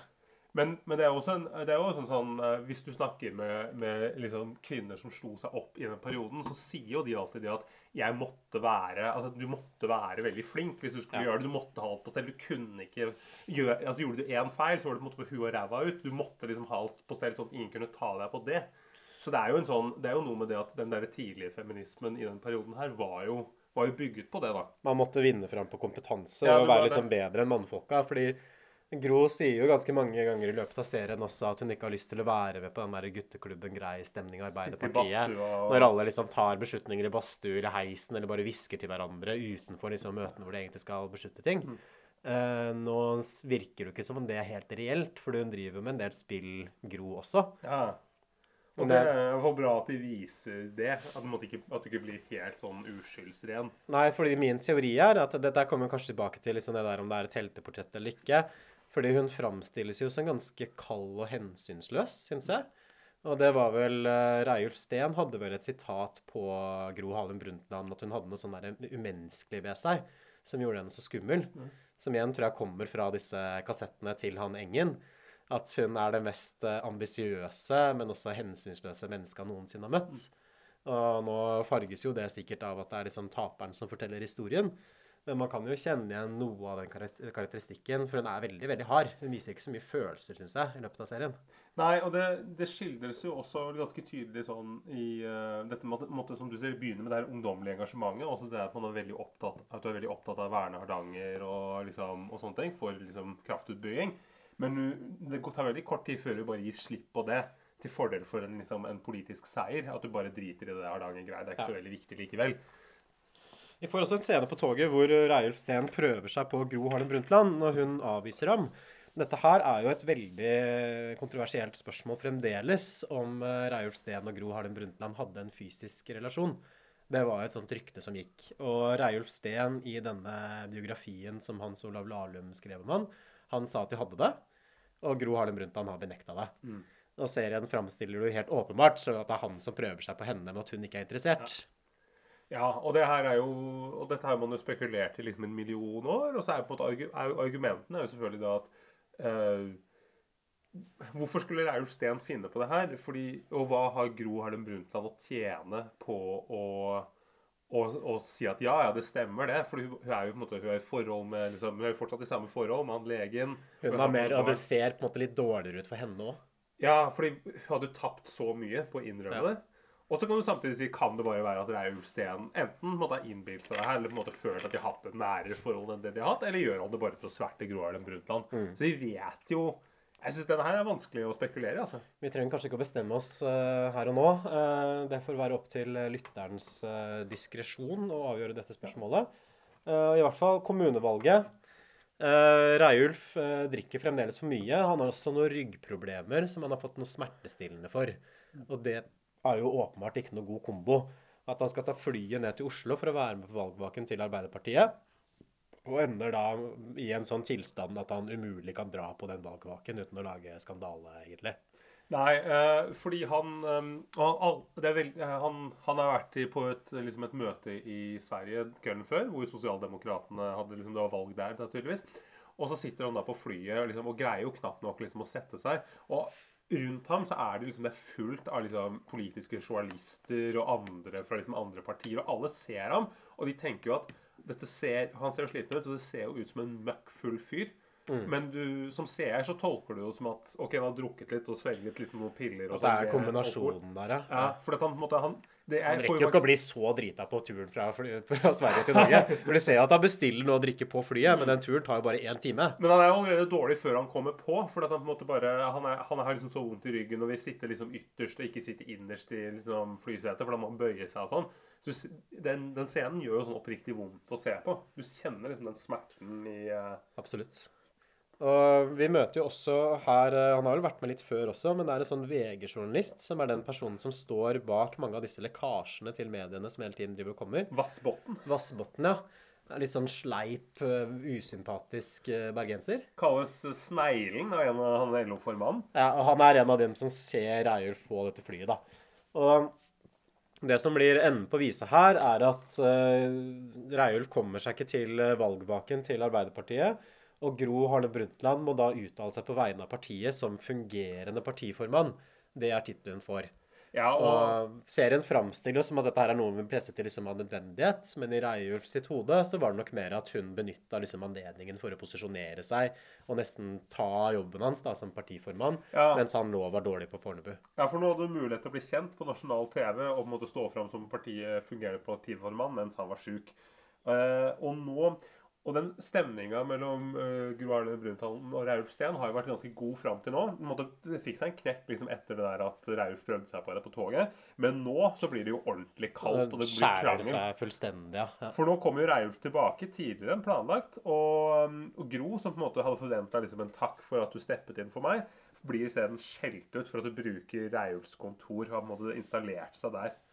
Eh, så nå er det jo en sånn isfront mellom de to. Nå begynner virkelig sånn konflikten. Før dette her så har jo på en måte maktkampen hatt to ulike poler. Du har på en måte hatt Oddvar Nordli på én side, sammen med han derre Bjartram, han derre miljøverns... Bjartmar. Bjartmar, ja. Han eh, miljøverns... Nei, industriministeren. Og nå har du Og, og så hadde du Gro liksom, og Reiulf Steen sammen på den andre. Men nå har du på en måte tre poler. At du har liksom Reiulf Steen, Gro Harlem Brundtland og Oddvar Nordli mot hverandre. Hvor alle tre egentlig kjemper for hvem som skal ha makten i partiet. Og i utgangspunktet så går det ikke så bra for Gro, for hun blir fratatt statsrådsposten som miljøvernsminister, og så setter de henne på Stortinget. Så hun blir litt sånn skvist ut, da. Og på slutten av fjerde episode er det vel, så blir hun konfrontert av en eh, journalist, som er vel han som er ansvarlig, eller Arbeiderpartiets representant i Arbeiderbladet, er det ikke det? Ja, eller redaktør i Ja. Arbeiderbladet, tror jeg han er. Hei, Gro. Savna deg på pressekonferansen tidligere. Ja, jeg har vel ikke akkurat noe der å gjøre. Og hvordan skjedde det her? Er dette et intervju? Vil du at det skal være et intervju? Kanskje en annen dag.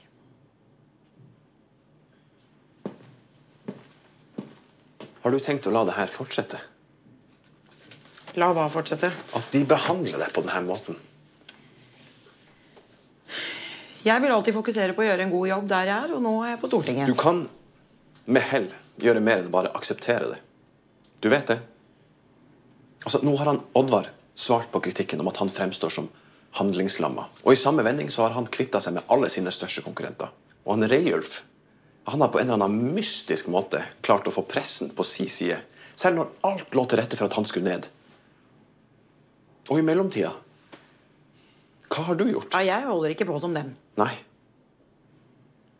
Og nå sitter du her. Ja. Det jeg lurer på, er bare hva er det du sjøl ser for deg? Det er helt fint at du vil fokusere på det som er foran deg, men om ett år eller om fem år skal du fortsatt sitte her og gjøre en god jobb. Eller vil du bli statsminister? Vil du sitte på Stortinget og gjøre en god jobb, eller vil du ha lyst til å bli statsminister? Og da ser jeg liksom Gro Harlem Brundtland i kamera, og da er liksom maktkampen for alvor i gang. Vi skjønner det. Og eh, vi blir jo også liksom introdusert til en del liksom andre sånne morsomme bikarakterer. For det er jo liksom typisk her at det dukker opp noen. Og noe av det mest minneverdige som vi møter, er jo, er jo faktisk da liksom Reiulf han har jo flere venner, og en av dem er Thorvald Stoltenberg. Spilt av Christian Skolmen. Ja. Liksom, Thorvald Stoltenberg er jo en sånn der, liksom mumlepetter som liksom var mye på TV-en. Han var vel forsvarsminister på liksom 80-tallet for Arbeiderpartiet. Og vi møter jo hans sønn og, den, eh, og eh, Nato-leder eh, Jens Stoltenberg. Ja.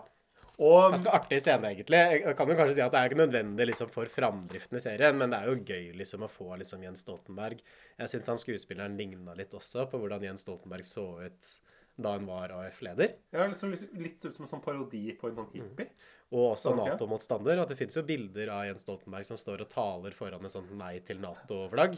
I dag sitter han og leder organisasjonen sjøl. Det er jo litt ironisk. Det er interessant. Og det er, jo, og det er jo det, er det som er morsomt her, at med den serien her, som ofte er noen ganger et problem i norske serier, at man ikke liksom tar seg tid til liksom, dette her krydderet innimellom, som gjør at uh, det liksom morsomme som kanskje ikke liksom, har så mye for, liksom, å si for handlingen, men som liksom tilfører de karakterene og serien liksom, noe sånn spennende. Ja, det de er sånn veldig gode godis. på det. Mye sånn innsmett. At det er vel en sånn liten sekvens med Torbjørn Jagland også, som man ser så, så vidt. Ja, han, så, ja, han, er veldig, han er veldig mot Nato og står og skriker til en eller annen fyr. Ja, for det, for det blir jo liksom en av de sånne store I liksom andre halvdel av sesongen, på en måte, da. Fordi eh, det blir noe sånn trøbbel med AUF angående Nato. Eh, Oddvar Nordli har et sånt helseproblem, så han har veldig mye hodepine. Og han begynner også å bli ganske paranoid, for han mistenker at møterommet deres blir avlytta, eller at det er avlyttingsutstyr på statsministerens kontor, fordi alle interne samtaler blir lekket direkte ut til VG. Og det er jo da Reiulf Steen via han Arvid Engen som lekker disse tingene. Så det er partilederen i Arbeiderpartiet som sitter og lekker ting ut i mediene. Det er jo psycho. Tenk, det er jo tenk at dette er jo, dette er jo ikke eh, bare løgn og halvsannheter. Dette her er jo faktisk Dette er godt dokumentert, ja. Så det Så er jo noe av det mest sånn oppsiktsvekkende i Norges politiske historie, egentlig. At du på en måte hadde en leder som drev og gikk mot sin egen parti, da, på den måten som Reiulf Steen gjorde da. Og vi får også et litt sånn historisk flashback her, hvor eh, Trond Espen Seim gir seeren innblikk i hvordan eh, mistenkte kommunister og Nato-motstandere ble overvåka på 60- og 70-tallet. Igjen et sånt innstikk som ikke er nødvendig kanskje for uh, den narrative progresjonen, men som jeg satte veldig god, godt pris på, egentlig. Ja. Og det kan jo være, dette kan jeg jo se for meg at noe man tar opp etter hvert, når dette her liksom ble avslørt. At man liksom drev og At Arbeider, liksom Arbeiderpartiet liksom aktivt, eller POT, da, Politiets overvåkningsorganisasjon aktivt gikk inn og liksom eh, registrerte liksom kommunister og liksom overvåka, overvåka folk liksom annerledestenkende. Mm. Så det er jo, og Spesielt da folk på venstresida er man veldig interessert i. Men det som blir utfallet, i hvert fall, av Oddvar Nordlys sin eh, egentlig ganske velbegrunna paranoia, er at han ansetter han derre VG-journalisten, Vaskebåten? Ja, Vassbåten. Som er en veldig kontroversiell avgjørelse, som ikke bidrar til å styrke han, men han skal i hvert fall prøve å få komme til bunns i disse lekkasjene, og hvor det kommer fra. Um, Også helt sinnssykt, egentlig. altså Ganske sånn sjuk eh, Det virker jo også som en løgn, og det er det, sant. det gir jo veldig mening, da, at det er liksom OK, du har den personen som publiserer alle disse lekkasjene. Hvem bedre da å ansette for å komme til bunns i dette her, enn den Men det er ganske kreativt tenkt av Oddvar Nordli. Men LO liker jo ikke dette her i det hele tatt, selvfølgelig. Og i hvert fall det at man driver og ansetter folk fra VG. Hvis du først skulle ansette en journalist, så burde man jo gått til Arbeiderbladet, så klart. Den ledende avisen innenfor Arbeiderpartiet. Uh, mens dette skjer, så sitter Gro på Stortinget og passer på å bli med i alle de riktige komiteene og bli kjent med de riktige folka. Hun drar også på A-pressens landsmøte, hvor bl.a. Leo Ajkic er. er. Jeg syns ikke Leo Ajkic eh, liksom glidde helt sånn sømløst inn i serieuniverset, eller hva føler du? Nei, det er helt grusomt. Han gjør jo sånn uh, utrolig sånn Han er jo ikke, er ingen skuespiller, Leo Ajkic. Og så du hvem andre som Det var jo flere idioter. For nå begynner det å komme flere sånne bi, irriterende bikarakterer. En av dem er jo han derre eh, Ronny, eller er det Nils? Nils fra Walkabout. Han var også en av de eh, Ja, for det var han fra Hedmarken. Ja, jeg tror det. Er han litt sånn store, han svære, Mm. som også er på det Dovre-møtet. Og en annen karakter som vi også blir kjent med, er han derre fra Med all respekt. Som er, har en sånn eh, rolle som statssekretær i Ja. miljø... Miljø, For det, det er jo et sånn interessant valg, for det, det, det kommenterte vi ikke på stad med Einar Førde. For Einar Førde spilles jo av en skuespiller som kommer liksom fra, fra Midtøsten et sted, Ja. kanskje? eller? Ja. Han det i hvert fall ikke, i hvert fall ikke fra, sånn, fra Sunnmøre. Og castet er jo mye mindre blenda-hvitt enn det det antageligvis ville vært i Norge på 70-tallet. Så jeg lurer, hva, hva tenker du liksom om det valget der? Jeg syns det var interessant, fordi veldig mye av serien handler på en måte om å problematisere at Arbeiderpartiet er et sånn gubbete parti, og at Gro Harlem Brundtland får masse problemer fordi hun er kvinne. Men ulike rasemangfold, det var det tydeligvis helt greit. Ja, for, for det, er veldig, det, er, det er veldig sært. For det, ville jo- det, var jo, det var jo knapt nok liksom en, eh, en førstegenerasjons eller liksom innvandrer liksom i, i Arbeiderpartiet på den tida her. Det var jo ikke, i hvert fall- og i hvert fall ikke noen ledende stillinger. Nei, i hvert fall det når man tar Einar Førde. Einar Førde kommer jo ikke fra Iran, liksom. Og så gir man eh, eh, rollen til en eh, person som kunne ha kommet derfra. Det er jo sånn oppsiktsvekkende. Men i og for seg kult. Jeg har ikke noe imot det. Men det, jeg syns det er interessant. og det er jo kanskje bedre at det skjer den veien der, for hvis man hadde tatt liksom en mørkhuda person og så gitt rollen til en hvit Uff, da, da, hadde, da, hadde det blitt, da hadde blitt overskrifter Jeg tror ikke det hadde vært så populært. Nei, og det jeg syns jo, jo det funker bra, fordi at uh, man er jo veldig sånn uh, Det er veldig varierende hvordan skuespillerne tolker sine karakterer. Sånn som uh, noen, sånn som Christian Skolmen som Toralf Stoltenberg f.eks., eller uh, hun som spiller Gro, snak, eh, liksom, har jo imitert liksom, Har jo sett på hvordan liksom, disse personene snakker i virkeligheten. Hun snakker jo akkurat som Gro, eh, han snakker jo akkurat som Toralf Stoltenberg. Eh, Mens andre, sånn som uh, f.eks. Ja, han Trond Espen Seim, som spiller møbelhandler Arvid Engen. Arvid Engen snakker jo liksom Er jo helt, helt motsatt av Var det ikke han som var så snøvlete Ja. og så dårlig til å formulere seg? Var det ikke det? Det er nesten helt umulig og Jeg har hørt noen lydbåndopptak på han. Helt nesten helt umulig å høre hva han sier. At han snakker så klønete og rotete. Det er på en måte helt motsatt. Så man har jo virkelig liksom, man har jo gitt skuespillerne veldig sånn stor frihet her, da. Og det Mm. er jo litt gøy. Og så er det også det at de har det som, det som, jeg, som jeg sliter litt med, er jo at på språket så er det jo veldig sånn komisk at sånn som Gro Harlem Brundtland snakker jo veldig Hun snakker jo på en måte kanskje litt sånn mer sånn 70-tallsnorsk, sånn som man gjorde på den tida. Klinkende klart og sånn. Ja. Mens ingen av de andre karakterene prøver å snakke, har et språk som De snakker jo sånn som man snakker i dag. De snakker jo ikke liksom, de snakker jo ikke 70-80-talls norsk. Anders Bosmo Christiansen som Oddvar Nordli snakker på ganske sånn brei hedmarksdialekt, men det hadde vel ikke Oddvar Nordli egentlig. I hvert fall ikke når han snakka offentlig. Han snakker veldig pent på TV. Men han, du hører at det er en dialekt i som Jan Gunnar Røise har vel litt sånn 70-tallsstil, syns jeg, i dialogen. Ja, så vidt, altså. Mm. Men det, på dette, når, når Gro Harlem Brundtland er på dette landsmøtet for A-pressen, så er det også en veldig interessant scene, syns jeg, eh, politisk. Og det er der hvor hun sitter og diskuterer høyrebølgen. Mm. At hun liksom sier at vi kan ikke bare liksom si at høyrefolk er ekle kapitalister. Vi må forstå hvorfor er det liksom dette budskapet vinner fram. Og hun peker særlig på dette her med trygdesnylting. At dette Ja. her må vi liksom ha en politikk på. Vi må ta liksom de folka som er trygdesnyltere. Vi kan ikke late som at dette er, ikke er et problem, at folk driver og utnytter seg av velferdsstaten vår. Fordi hvis vi gir bort dette rommet til høyresiden, så kommer de bare til å vinne fram, mens vi framstår som virkelighetsfjerne. Og her legger hun liksom grunnlaget for arbeidslinja som Gro Harlem Brundtland innførte på 90-tallet, som kanskje var liksom hennes viktigste reform. Og for det første, fordi Gro Harlem Brundtland på 90-tallet hun gikk jo lenger til høyre på veldig mange måter, fronter enn det Kåre Willoch gjorde. Så det er en sånn veldig sånn interessant strategi. At man liksom er så bekymra for at Høyre skal vinne fram og innføre sin politikk. At man kommer Høyre i forkjøpet, så innfører man høyrepolitikk sjøl. jo, men det, er jo, men det er jo dette her typisk altså det, er jo, det er jo jævlig typisk at når eh, Willoch liksom på, på 80-tallet liksom eh, begynte å, å liberalisere og på en måte man begynte å sette ting ut på anbud og liksom privatisere Den politikken ble jo bare videreført av Brundtland-regjeringen på 90-tallet. Videreført og forsterka. Ja. Og også Stoltenberg. Så det, Gro Harlem Brundtland er jo virkelig den personen som får, skaper den der høyredreiningen i Arbeiderpartiet, som partiet i dag gjerne kritiseres for, da, Mm. særlig fra SV og Rødt. Og det, er, jo- ja. og det er veldig komisk at hvis man ser på, liksom, på 60-tallet, når, når, når, det, når det motsatte skjedde, når Arbeiderpartiet hadde makt, og så tok en borgerlig regjering over med Per Borten som statsminister, og med liksom Høyre Senterpartiet, så, så skjedde jo det, Da var det helt motsatt. Da fortsatte jo bare den De, de fortsatte jo liksom bare med De gjennomførte liksom andre trinn av folketrygden. liksom Fortsatte bare med Arbeiderpartipolitikk fram til Arbeiderpartiet tok over igjen.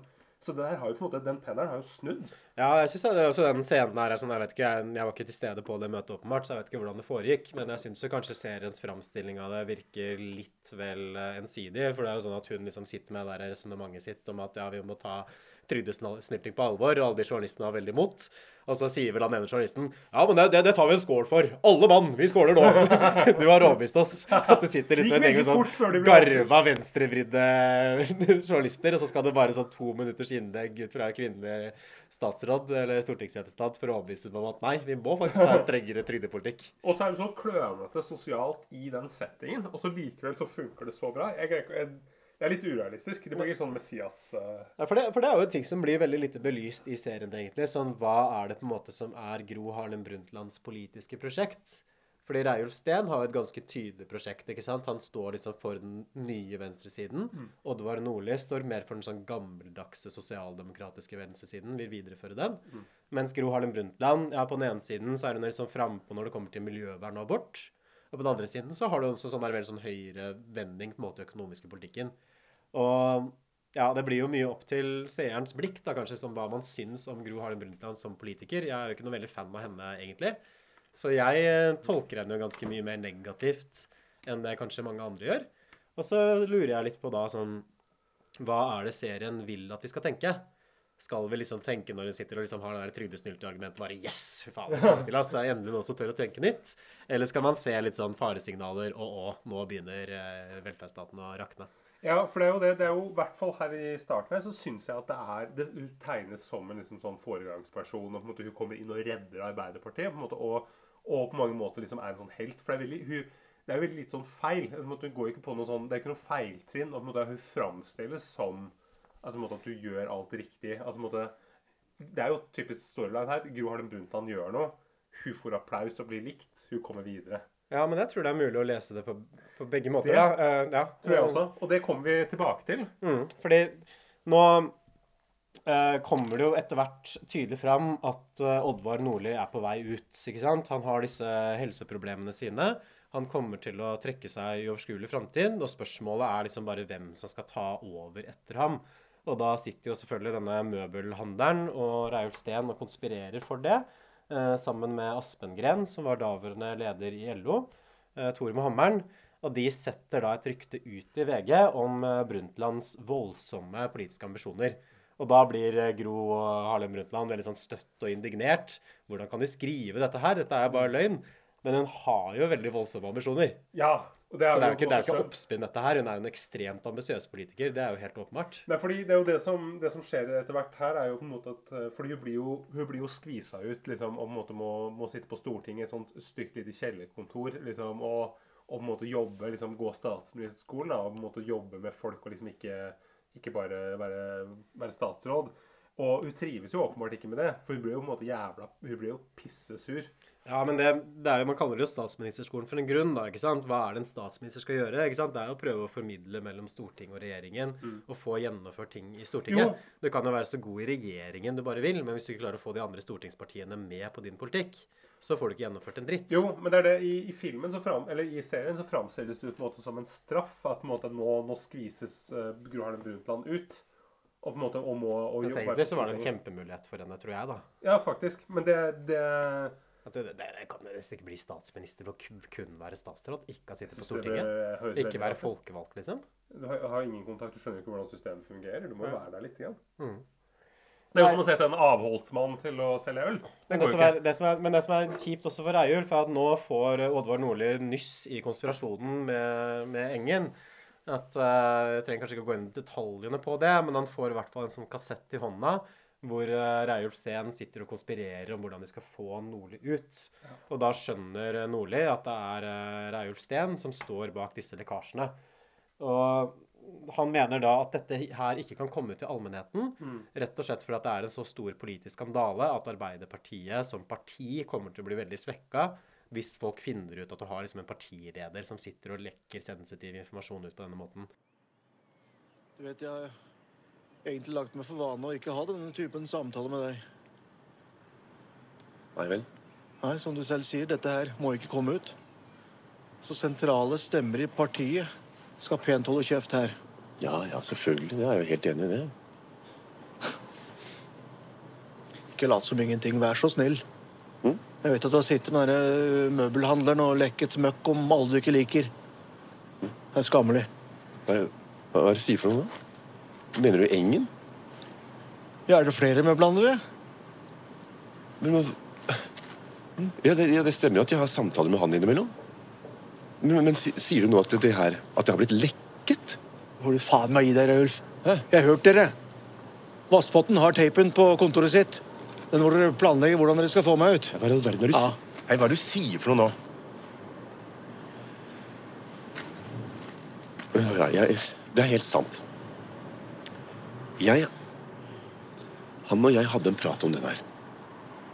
Og det var fordi LO var veldig tydelig på at du måtte gå. Og det så jo veldig sånn ut, ikke sant? Det gikk den veien der. Og som formann så blei jeg da tvinget til å ta den samtalen. Akkurat sånn som du og jeg står og snakker nå. Men hvis de tingene har blitt tatt? Jeg orker ikke å stå her og høre på unnskyldninger. La oss bare få gjort oss ferdig. Gå og gjør jobben din. Og igjen så blir Gro veldig, veldig sint da, for at de ikke har lyst til å Først fordi de ikke har lyst til å liksom gå ut med dette her, og deretter fordi de ikke har lyst til å sette av Reiulf med en gang. Så hun blir veldig sånn moralsk indignert. Herregud, skal alt være lov, liksom? Men man kan jo stille spørsmål om hva som driver henne også her, da. ikke sant? Er det liksom indignasjon på demokratiets vegne, eller er det rene ambisjoner for at hun ønsker å ta Reiulfs plass, og så bruker hun denne moralske indignasjonen som et argument for å steppe inn sjøl? Nei, og det er jo, eh, det er jo garantert det her sistnevnte. Og, og det som i hvert fall skjer her etter hvert, er jo det på en måte Vi kommer jo nå, kommer jo, liksom, nå blir jo mye av eh, historien kullkasta, fordi nå kommer jo denne Alexander Kielland-ulykken, liksom, som skjedde liksom utenfor Stavanger her, hvor en plattform som heter Alexander Kielland, eh, kantra, et av beina brakka, og 123 mennesker mista livet. Og det blir jo en sånn det blir jo en liksom krise i Arbeiderpartiet. Ja, Det er ikke gode nyheter for Arbeiderpartiet i regjering. fordi de er jo på en måte ansvarlige da, ikke sant, for dette her, i hvert fall i mange folks øyne. Ja, den oljeutbygginga, mye av dette her skjedde jo under Arbeiderpartiet. Og, og vi vet jo allerede at liksom sikkerheten i Nordsjøen var ikke spesielt god liksom på 70-tallet. Så SV fremmer et mistillitsforslag fordi de mener at Arbeiderpartiet er mer opptatt av å tjene penger på olje enn å beskytte arbeiderne de egentlig skal representere. Kanskje litt i det, eh, tror jeg, sånn i etterpåklokskapens lys. Men det legger jo bare enda mer press på Oddvar Nordli, som allerede er ganske kjørt. Og nest siste episode avslutter med at Nordli kollapser utafor Stortinget, og at han industriministeren eh, Bjartmar, var det det? Bjartmar Gjerde. Bjartmar Gjerde eh, har lyst til å trekke seg. Det er vanskelig å huske Bjartmar-navnet. Bjartmar, ja, for det, det, Bjarte, det skjønner jeg liksom. Bjarne. Bjartmar. Jeg tror jeg aldri hadde hørt det navnet før jeg så den. Det må jo være en av de eneste som heter det i Norge. Men, um, men iallfall, så han um, Oddvar Nordli er, har jo sånne selvmordshodepiner. Klasehodepine. Det er jo helt, uh, helt for jævlig. Og må jo, må jo nå da deale med den her uh, Alexander Kielland- Kielland-ulykken. Og her tar jo, er jo serien et litt sånn taktskifte, hvor den blir litt, sånn litt mindre satirisk, og prøver liksom på en eller annen måte å skildre dette her med en sånn slags sånn litt verdighet. Det er annet en sånn scene her med Oddvar Nordli som snakker med et av liksom ofrene etter ulykken. En som har mista Ja. faren sin. Den prøver å bygge opp en del sympati for Oddvar Nordli, egentlig. Ja. Så han blir på en måte litt sånn hovedpersonen helt på slutten her. Ja. Og det er også en veldig sånn interessant scene, jeg vet ikke hva du syns om den, hvor Oddvar Nordli går liksom ut av settet. At det er en sånn bokhylle på statsministerens kontor som åpner seg, og så går han ut, og da kommer han liksom ut på TV-filmsettet, da. Og går da opp og ser på et uh, TV-opptak av den virkelige Oddvar Nordli som snakker, og står liksom foran det. Så veldig sånn lang, var det sånn tre-fire minutter, Ja. veldig sånn metagrep. Jeg vet ikke, akkurat Det syns jeg kanskje var litt sånn unødvendig. at Det, det funka jo i og for seg, men jeg vet ikke om det bidro så veldig mye, eller om det kommuniserte så veldig mye til meg. Nei, jeg, jeg får inntrykk av at det der er litt sånn uh, Og det det den serien her på en måte forsøker å gjøre ofte. At den, måte, den skyter litt sånn alle veier. At den på en måte prøver litt nye ting her litt nye ting der. på en måte litt sånn, At den skyter litt sånn litt for uh, Men bare sparker masse baller ut i lufta, så, på en måte, så regner den med at liksom, noen av dem lander liksom, på riktig sted. Uh, og den scenen her har liksom preg av, liksom preg av det. At måte, det funker ikke Det blir sånn funker ikke Joakim så blir sånn Joakim Trier, verdens verste menneskestil. At Ja. det liksom blir sånn påskuddaktig. ikke sant? Se på meg, se på alt jeg får til. Ja, så, så, oi, så kreativ jeg er nå. Mm. nå går vi bak veggen her. Men hva er det egentlig det formidler? ikke sant? Det at han går ut av settet på den måten. Er det det liksom at han er i ferd med å miste kontroll over liksom Arbeiderpartiet, eller liksom at han er veldig sliten? Ser han Arbeiderpartiet fra utsiden, Men det det vet vi jo allerede. Ja. Så man trenger jo ikke den scenen for å formidle det. Så for meg så ble det litt sånn der eh, ja, eh, påklistra. Du formidler ikke noe nytt, i hvert fall. Men um... Nordli sykemelder seg, og partisekretæren lurer på om det er grunnlovsstridig. Kan en eh, statsminister egentlig være sykemeldt? Og Gro her syns jeg kanskje hun er på sitt mest usympatiske. For hun blir veldig sint og sur fordi at Oddvar Nordli ikke har flere tydelige svar. Og begynner å grave sånn Hva slags diagnose? Har de sjekka Hortens? er vel det hun spør om. Og så Eh, begynner han begynner å mase opp med en gang. Hvem, hvem, hvem skal overta? hvem skal ta over? Og da kommer liksom Reiulf inn sånn der Først må vi jo Vi kan jo liksom koste på sånn halvt minutts medfølelse og si sånn Så leit å høre uh, at du har blitt syk. Det må være utrolig pressende for deg. Istedenfor å gå liksom rett på den OK, men hvem skal ta over? Hvem skal ta over? Hvem skal ta over? Som hun gjør. Og Reiulf har jo så klart en interesse i det, for han vil jo gjerne liksom trenere den prosessen. Fordi han tenker kanskje at hun ligger bedre an. Men jeg syns jo likevel at han har et godt poeng der. At det er kaldt. Og liksom først sitte liksom og høre at en av dine nærmeste kollegaer og statsministeren, leder liksom det viktigste personen i partiet egentlig, har helseproblemer som gjør at man sykemeldes. Og at det er jævlig flere år. Og måte, Og at man, man viser null empati da, for den situasjonen. Man bare går rett på og kritiserer da Nordli. Ja, men har du ikke tenkt ut en plan? Hva skal du egentlig? Men han skal sykemeldes. ikke sant? Han, han klarer jo ikke å ta de typer han kan ikke ta, fordi Oddvar trenger fred og ro, sier legen. Og, Og det, det, det blir eh, sånn utover så handler det veldig mye om at den sykemeldingen til statsministeren, den skal egentlig ikke komme ut til pressen.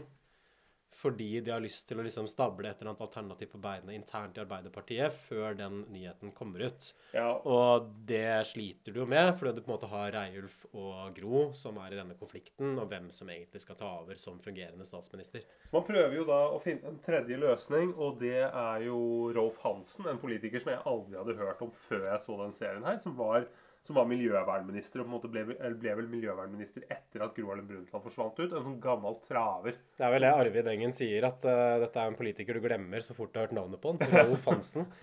Og Steen og Nordli har også en sånn prat uh, hvor de snakker sammen for å unngå at Gro blir statsminister. Fordi Raul Steen sier at hvis hun først får statsministerstolen, så kommer hun til å bli sittende. Og Reiulf mener selv liksom, at han er den eneste som står igjen for å unngå at Arbeiderpartiet ikke blir et kapitalistisk eh, parti med arbeiderbevegelsen som maske. Uh, her kommer altså han Arvid Engen inn og liksom kommenterer at Reiulf er den som kan forhindre at arbeiderklassen egentlig får, kun får to høyrepartier å velge mellom.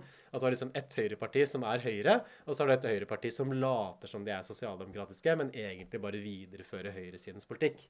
Så det høres jo ganske kjent ut, syns jeg, og også overbevisende for min del. Vet du hva du tenker? eh? Nei, dette her eh, det, det er jo er noe, det er jo, er jo umulig å være uenig i det her. Og det er på en måte, å, tenker jeg sånn forholdsvis politisk fra noe som går på NRK, egentlig. Som er en sånn der Ja, ja, det, det er jo kanskje det som bygger opp under at dette er ikke noe helteportrett. Fordi den retningen som Gro Harlem Brundtland tar Arbeiderpartiet i, er jo på en måte det som har gjort at partiet nå har hatt sånn 15% på noen målinger. Det var vel en sånn måling hvor du var Norges tredje største parti. Som ville vært helt utenkelig liksom, på 70-tallet. Og så kan man jo si liksom at innvendingen da kan jo være at ok, men de bare gjør endringer som ville vært nødvendig uansett. Men likevel, eh, er jo hvis du har et sosialdemokratisk parti som ikke får til å føre sosialdemokratisk politikk, så får man jo et lite problem. Nyheten om at eh, Oddvar Nordli er sjuk, eh, får ikke Arbeiderpartiet til å holde skjult. At den eh, kommer etter hvert ut. Og den blir da lekka av journalisten som ga Gro ideen om å bli statsminister på slutten av episode fire. Samtidig så driver folk litt sånn lobbyvirksomhet for Gro med hennes stilltiende samtykke, tenker i hvert fall jeg. Det er jo en sånn scene der, Stefan, hvor hun sitter på bussen, og så møter hun sånn politisk støttespiller, og han spør liksom Skal jeg begynne å liksom lobbe for deg? Og så sier Gro Harlem Brundtland Hvis du spør meg, så er svaret nei. Mm, så det betyr jo indirekte ja, da. Men ikke 'jeg vil ikke stå ansvarlig for det'. Så ikke spør, men gjør det likevel. Jeg sier offisielt sett at jeg ikke skal gjøre det, men det er egentlig det jeg ønsker likevel. I hvert fall det er sånn jeg, jeg tolker det. Så her i, i mye av det spillet her, så er hun jo ikke så tydelig som hun er ellers. Det er liksom litt mer eh, under linjene, selv om det er ganske tydelig da, for oss som, som ser på.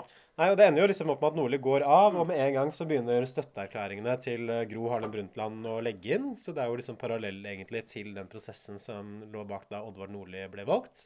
Til eh, Reiulf Steen sin store fortvilelse, så klart. Eh, En ting som serien ikke viser så mye av, egentlig, er hvordan uh, Brundtland bygde opp så mye støtte i partiet og rundt omkring. Uh, man hører jo liksom at hun har blitt med direkte riktige komiteene på Stortinget og knytter kontakter der og sånn, men man ser veldig lite av stortingsarbeidet hennes. For det er jo mer fokus på Reiulf Steen og Oddvar Nordli sånn politisk sett. Men det var vel men det var jo det her det er vel, eh, jeg, jeg, husker, jeg vet ikke om, om serien skildrer det, men bakgrunnen på ordentlig var vel det at eh, Einar Gerhardsen ville ha henne som partileder, og faren hennes, han eh, Gubbe Gubbe Brundtland, som heter Gudmund Brundtland. Så er Gubbe er faktisk det. Han ble kalt Gubbe, da. Utrolig sånn ja, flatterende navn. For det ser vi en scene at, liksom at faren sitter og snakker med Gerhardsen. ikke sant? At Gerhardsen mener liksom at dette er veien å gå. Eh, faren til Gro blir jo spilt av samme skuespiller som spiller faren til Renate Reinsve i 'Verdens verste menneske', eller Julie. Gubbe, Gubbe spilles Mm. av uh... Han er litt bedre far i makta da enn det han er i 'Verdens verste menneske'. fordi her uh, trekker han jo trådene som gjør det at uh, dattera kan bli statsminister. Ja, um, han jo, han har jo spilt i mye sånn gamle sånn Hva med venner-filmer før òg. Hvis du ser 'Adjø solidaritet', så dukker han også opp. Artig. For de møter i hvert fall han Rolf Hansen, som er den personen som de har tenkt å gi statsministervervet. Fordi Reiulf Steen har vel kanskje innsett selv at det er ikke han som på en måte står først i rekka for å bli statsminister. Også spilte i 'Adjø solidaritet' som en av, en av hovedrollene, faktisk, i den filmen. Så han, Ok, ja, Er det adjø solidaritet vi snakker om nå, eller er det makta? Nei, men det er, jo, det er jo relevant for alle dere som hører på Norsk Relevant informasjon, ja. Um, så Rolf Hansen sier til Gro Harlem at eh, jeg kommer til å takke nei eh, til når jeg får tilbud om statsministerposten, men det skal jeg holde hemmelig helt fram til jeg får tilbudet. Og du trenger heller ikke å la det si at du veit dette her. ikke sant? Så de går bak ryggen på resten av sentralstyret for å få Gro Harlem Brundtland bedre i posisjon. Og um, alt dette her kulminerer i scenen hvor vi møtes hjemme altså Hvor alle disse liksom, toppene i Arbeiderpartiet, sentralstyret, møtes hjemme hos Trygve Bratteli eh, i den fine sveitservillaen hans, hvor det er veldig gulkaldt. Sånn at Trygve Bratteli må stille med raggsokker og tøfler, sånn at folk ikke fryser på beina. Som på en måte bare gjør han til en sånn enda mer sånn der puslete type. Og så serverer fyrstekake, som de fokuserer veldig mye på. Men det, men det har vel Lahlum sagt, at han, at han mener liksom at Trygve Bratteli er en av de personene som blir spesielt dårlig behandla i makta. Fordi han Ja. var egentlig ganske sånn forutseende politiker som har vært i USA og liksom fått med seg en del sånn veibygging som han tok med tilbake hit. og ja. Ja, En mer progressiv type da, enn det serien framstiller ham som. Ja, og, og det som skjedde med Bratteli også, som på en måte med, mot Gerhardsen, så blir jo alt bestemt liksom, på et veld, liksom, veldig sånn lukket fora med liksom bare noen få mennesker involvert. Mens Trygve Bratteli var jo mye mer med på, på en måte, å inkludere flere. Han åpna jo veldig opp sammenlignet med sånn som det hadde vært. Så han var jo på en måte en foregangsfigur. Og fikk inn liksom, mange, ganske mange gode folk i regjeringa. Så Trygve Trygve Bratteli blir jo liksom pissa på i den serien her. Så kanskje litt sånn urettferdig at det har vært morsommere liksom, heller gå litt, være liksom litt på Trygve Brattelis side, da, tenker jeg. Ja, det har vært mer interessant i hvert fall å sette det perspektivet tydeligere. For du må jo være litt kompetent da, tenker jeg, for å kunne bli statsminister og leder i Arbeiderpartiet. Det er jo ikke noe slumstreke til det. på en måte. Og pusling som bare sitter der. Liksom, nå når Einar Gerhardsen går av, så var det jo, var jo flere kandidater, liksom. Så det er jo en grunn til at han ble valgt. Ja, Det er jo ikke hvem som helst kan ta over etter Gerhardsen heller, tenker jeg, Arbeiderpartiet. Ja, han var jo finansminister og alt mulig, så det er, det er Det, for det er sånn, Når du har hatt en så selvskreven leder som det Gerhardsen var, så må det ha vært veldig mange nummer to potensielt da i Arbeiderpartiet. Fordi Mm. Fordi Einar Gerhardsen gikk vel av frivillig, tror jeg. Mm. Og var på en måte den ubestridte lederen. Men da må det ha vært litt sånn åpent felt, en del konkurranse om å få den posisjonen, spekulerer jeg i, da. Ikke Ja. sant? Så Trygve Bratteli må jo ha hatt litt sånn politisk teft. Ja, og det er jo også en ting at uh, Einar Gerhardsen ville jo ikke ha Trygve Bratteli som sin Mm, etterfølger. Han mener jo det var en stor feiltagelse. Så det også sier jo noe om at Trygve Bratteli, hvis han hadde såpass stor At han kunne vinne over Gerhardsen, ja, på en måte. Ja. så sier jo det noe om at han var ganske populær i partiet og en ganske god politiker. I hvert fall, eh, Nordli sier da at han kommer til å trekke seg som eh, gå av som statsminister, og foreslår at de gir posten videre til eh, Rolf Hansen. Og da kommer det store sjokket, ikke sant? fordi Rolf Hansen sier da at han ikke har lyst til å stille, men peker på Gro Harlem Brundtland som den aktuelle kandidaten. Eh, og her får liksom Gro vilja si at hun Det er liksom inntrykk av at hun tvinger det litt gjennom. Og at ingen egentlig vil på en måte gi statsministerposten til henne, men at det, det er ingen som tør å si noe. Bortsett fra Ivar Leverås, da. Han uh, Ja, partisekretæren, ja. Han er på hennes side. Men der lurer jeg liksom på hvorfor er det ingen av gutta som tar til motmæle? For de har jo argumenter mot henne som de kunne ha brukt. Du har litt For for lite erfaring. Ja, du er upopulær i LO. LO-lederen sitter jo der. ikke sant? Mm. Han ønsker jo ikke å ha Gro Harlem Brundtland. Eh, Du har en feil sosial profil, ikke sant? Du har Nikkersadel, som Mm. Bjartmar Gjerde sier. Ja. Men de tør liksom ikke å si det, og særlig ikke Reiulf Steen, da, som blir tvunget på en måte til å innse tapet og si til slutt Gro Harlem Brundtland blir statsminister, som hun også tvinger han til.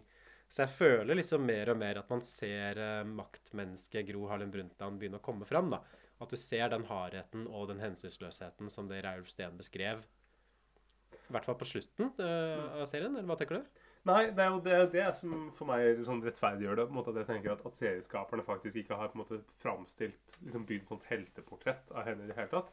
For det er jo det de første eh, Så aner du det kanskje, men her så blir det jo liksom helt tydelig. For det er jo liksom to måter å se denne historien på, tenker jeg. Ja, på den ene siden så kan du si at her kommer det liksom inn en flink, eh, flink dame som ordner opp i dette skakkjørte møkkapartiet, hvor alle bare er fulle hele tiden og driter seg ut. Endelig fikk vi igjen noen med kompetanse. Det er liksom den litt sånn høyreorienterte måten å se det på. Og så har du jo på en måte et venstresidenarrativ, og det kan jo være at her hadde man liksom en folkebevegelse som var av vanlige folk, av og med vanlige folk, som hadde sine feil selvfølgelig, men de var liksom tettere på mannen i gata enn folk flest. De var uh, uperfekte mennesker. Og så kommer det en ny politikertype som er så utrolig profesjonell, som er så korrekt, som aldri gjør noe feil, som er altså så fjerna folk fra folk flest. Kommer fra sånn politikeradelbakgrunn, har høy utdanning, er høyrevridd i meningene sine, har ikke kontakt med grasrota LO, som utkonkurrerer alle de arbeiderklasserepresentantene som egentlig representerer mannen i gata mer enn det hun selv gjør. Så dette her er på en måte en historie om hvordan politikken profesjonaliseres. Som da legger grunnlaget for liksom hele Arbeiderpartiets kollaps seinere. fordi nå er det ikke et parti som vanlige folk kjenner seg igjen i. Det er jo ingen som kjenner seg igjen i Vestre eller Tonje Brenna eller Kjerkol, fordi de bare er sånn roboter ikke sant? som bare står og gjentar liksom det de har fått beskjed om å si igjen og igjen og igjen. Som noen har skrevet til dem, tenker du, på en eller annen uh, Aldri vise svakhet. Aldri kan si at 'sorry, der tok jeg feil, det var dumt'. Liksom, Nå gikk jeg på et tap. Alltid ha en eller annen sånn spinn. En eller annen måte, som, som er jo en veldig sånn ukultur i politikken, da, egentlig. Så man kan se på Gro Harlem Brundtland som den personen som brakte det på en måte inn i Arbeiderpartiet. Og derfor inn i norske politikken i stort. Ja, og som gjør at Arbeiderpartiet da lekker som en sil, og, le og, og lekker velgere da. Som har i mange år lekket velgere til Frp, f.eks. Hvor Ja. måtte kanskje ha en litt sånn I hvert fall fram til relativt nylig hatt en liksom annen politikertype, da.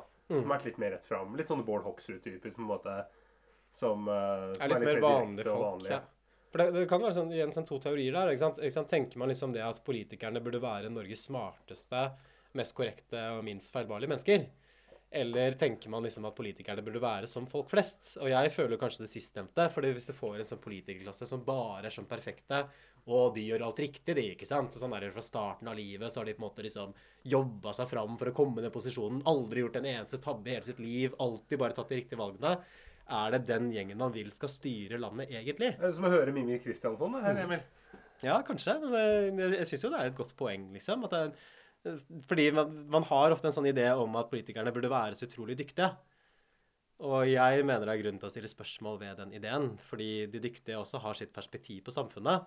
Og de har kanskje et sånn ubarmhjertig blikk som kanskje Gro Harlem Brundtland også gjennomfører da, liksom i den trygde- og arbeidsløshetspolitikken som en gjennomfører, som blir jo veldig mye strengere og stiller mye Ja. krav og skylder mye større grad på folk sjøl hvis de er fattige Ja, for det er, jo, det er jo på en måte et, problem da, på en måte at veldig dyktige mennesker ofte uh, sliter med å liksom se svak, eller på en måte tilgi svakhet hos andre. Litt sånn her som at i, uh, i den scenen hvor, uh, hvor Oddvar Nordli liksom må gå av, og på en måte fordi at han er sjuk, så blir hun bare provosert fordi at han ikke har funnet en etterfølger, istedenfor å ha medlidenhet med at han har vært sjuk. Og for at hun ikke har, hun ikke har funnet en diagnose engang. Ja. Det også blir hun sur over. Ja, ikke sant? Så måte, det er det her mangelen på liksom, hvorfor er ikke dette godt nok forberedt. Altså, og, og det er jo og så, er det jo, Dette blir jo et sånt frampek til sånn som vi ser i dag, hvor det, hvor det blir en sånn politikerskole med mennesker som måte bare tar seg Som, bare, som går rett fra, fra videregående til å bli politikere. Og på en måte, Mm. Kanskje de tar seg en utdannelse imellom, kanskje de blir liksom sosionomer eller noe sånt.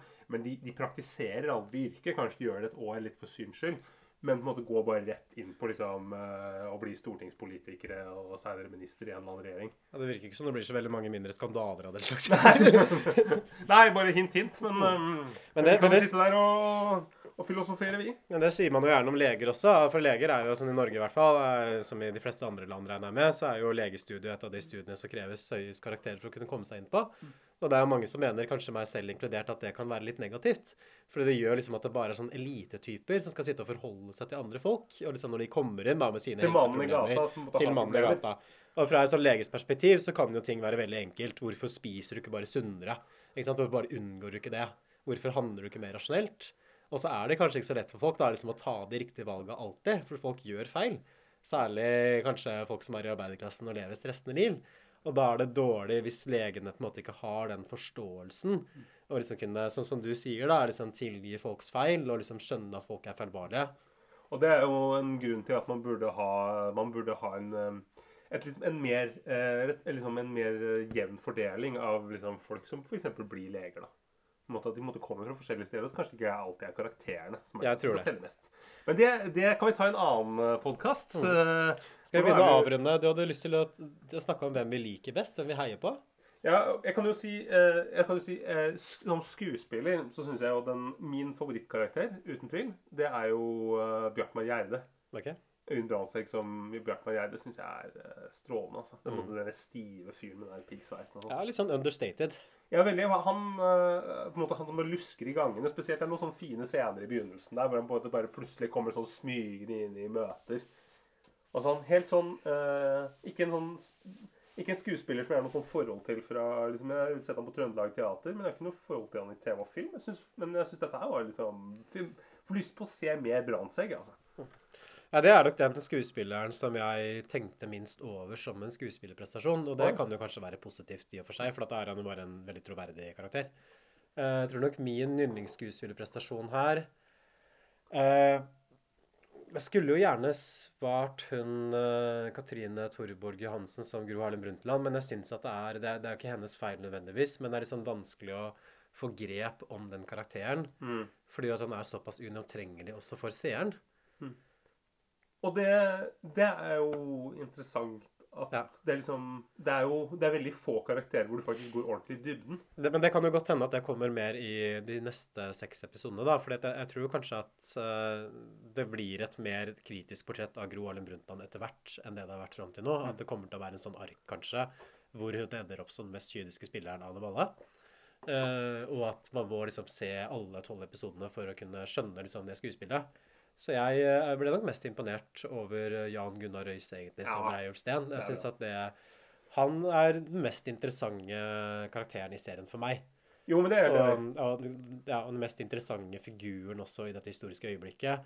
På den ene, han har så mye selvmotsigelse i seg. ikke sant? På den ene siden en glimrende politiker og strateg som kunne få folk med seg. På den andre siden masse angst, alkoholproblemer, dameproblemer, Uh, som de gamle bohemer. Og på den ene siden også er veldig idealistisk ikke sant? og liksom venstresiden i partiet. På den andre siden kanskje en av de liksom, politikerne i Arbeiderpartiets historie som er mest villig til å bruke skitne metoder for å vinne posisjon.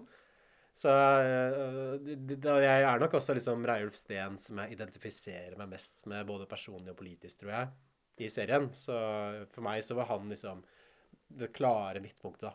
Jo, men det er jeg enig i. Men, eh, og, det, er jo, det er jo det er jo liksom nesten å bare sparke inn åpne dører. Det er vel ingen tvil om at Jan Gunnar Røise gjør den beste rollen her. Og den, den karakteren hvor du nettopp Her kommer du faktisk under huden. liksom Du får, du får det, er, det er helt Du kan ikke sammenligne liksom det, eh, det han presterer her, som liksom sammenligna med liksom Gro eller Oddvar Nordli. Det er på en måte vi kommer mye mer i dybden, og det blir ikke en sånn komisk stereotypi, men det blir liksom et ganske sånn sammensatt bilde av et menneske som, som har hatt noen liksom sånn spennende politiske visjoner. Mm. Men jeg tenker sånn, sånn bikarakter er det, sånn, det, er jo, det må jo være noen her du på en måte har sett, sett for deg, liksom sett deg ut, som du syns er fascinerende. Jeg syns han derre VG-journalisten var jævlig irriterende, i hvert fall. Så Ja, han derre Vassbotn. Ja, fy faen, Så det er han er jo liksom gjennomført gjennomført spiselig karakter, men da Ja. tenker jeg liksom at eh, skuespilleren må ha gjort noe riktig, da. Ja, jeg er det. Ja, for det, det er poeng, for eh, han, blir, han, han er utrolig usympatisk. Og så er det jo Trond Espen Sein, så klart. Ja, I rollen som Arvid Eggen. Han er nesten litt sånn show, showstealer. Kanskje liksom det store høydepunktet sånn skuespillermessig. Mm. At er han, han, han er liksom den karakteren som man kanskje kommer til å huske, da. Ja, når han sitter liksom i de der eh, fine, liksom litt freshe treningsklærne sine og liksom i den Og røyker og spiser vaffel. Ja, i, og i møbelbutikken der. Kjører rundt i Merca si og sånn. Men øh, hvem ville du stemt på da, hvis du skulle valgt liksom mellom Oddvar Nordli og Gro Harlem Brundtland og Reiulf Steen? Hvem ville fått din stemme i Arbeiderpartiets øh, leder... øh? Det er jo kjedelig, for jeg vet at du kommer til å svare det samme, men jeg sier jo Reiulf Steen, jeg. Mm. Selv om jeg syns han virker som en dust. Så... Jeg ville nok valgt han, men han er jo ikke noen funksjonell politiker, og det er jo... Han drømmer. Men det er, det er kanskje litt, men det er, men det er ikke bare en drømmer, men det er jo liksom mer sånn tragedien hans også, kanskje, at han har en personlighet med disse drikkeproblemene og de personlige problemene, som er kanskje grunnen til at han går såpass langt, at han spiller seg sjøl litt ut, får jeg inntrykk av. At hvis han hadde holdt seg litt mer rolig og liksom satsa litt mer på sånn vanlige politiske metoder, så tror jeg ikke det hadde vært gitt at han hadde tapt for Gro Harlem. Brundtland. Men det er liksom det at han driver og skal kødde så mye til. Mm. Og at han har et privatliv som er så ute av kontroll, som er på en måte det som senker ham til slutt. Ja, øh, og han, han blir på en måte et, kanskje et slags frampek på en politiker som vi kanskje kommer til å møte seinere i sesongen, øh, nemlig øh, Torbjørn Berntsen. Leppa fra Grorud. Trond Giske? Nei,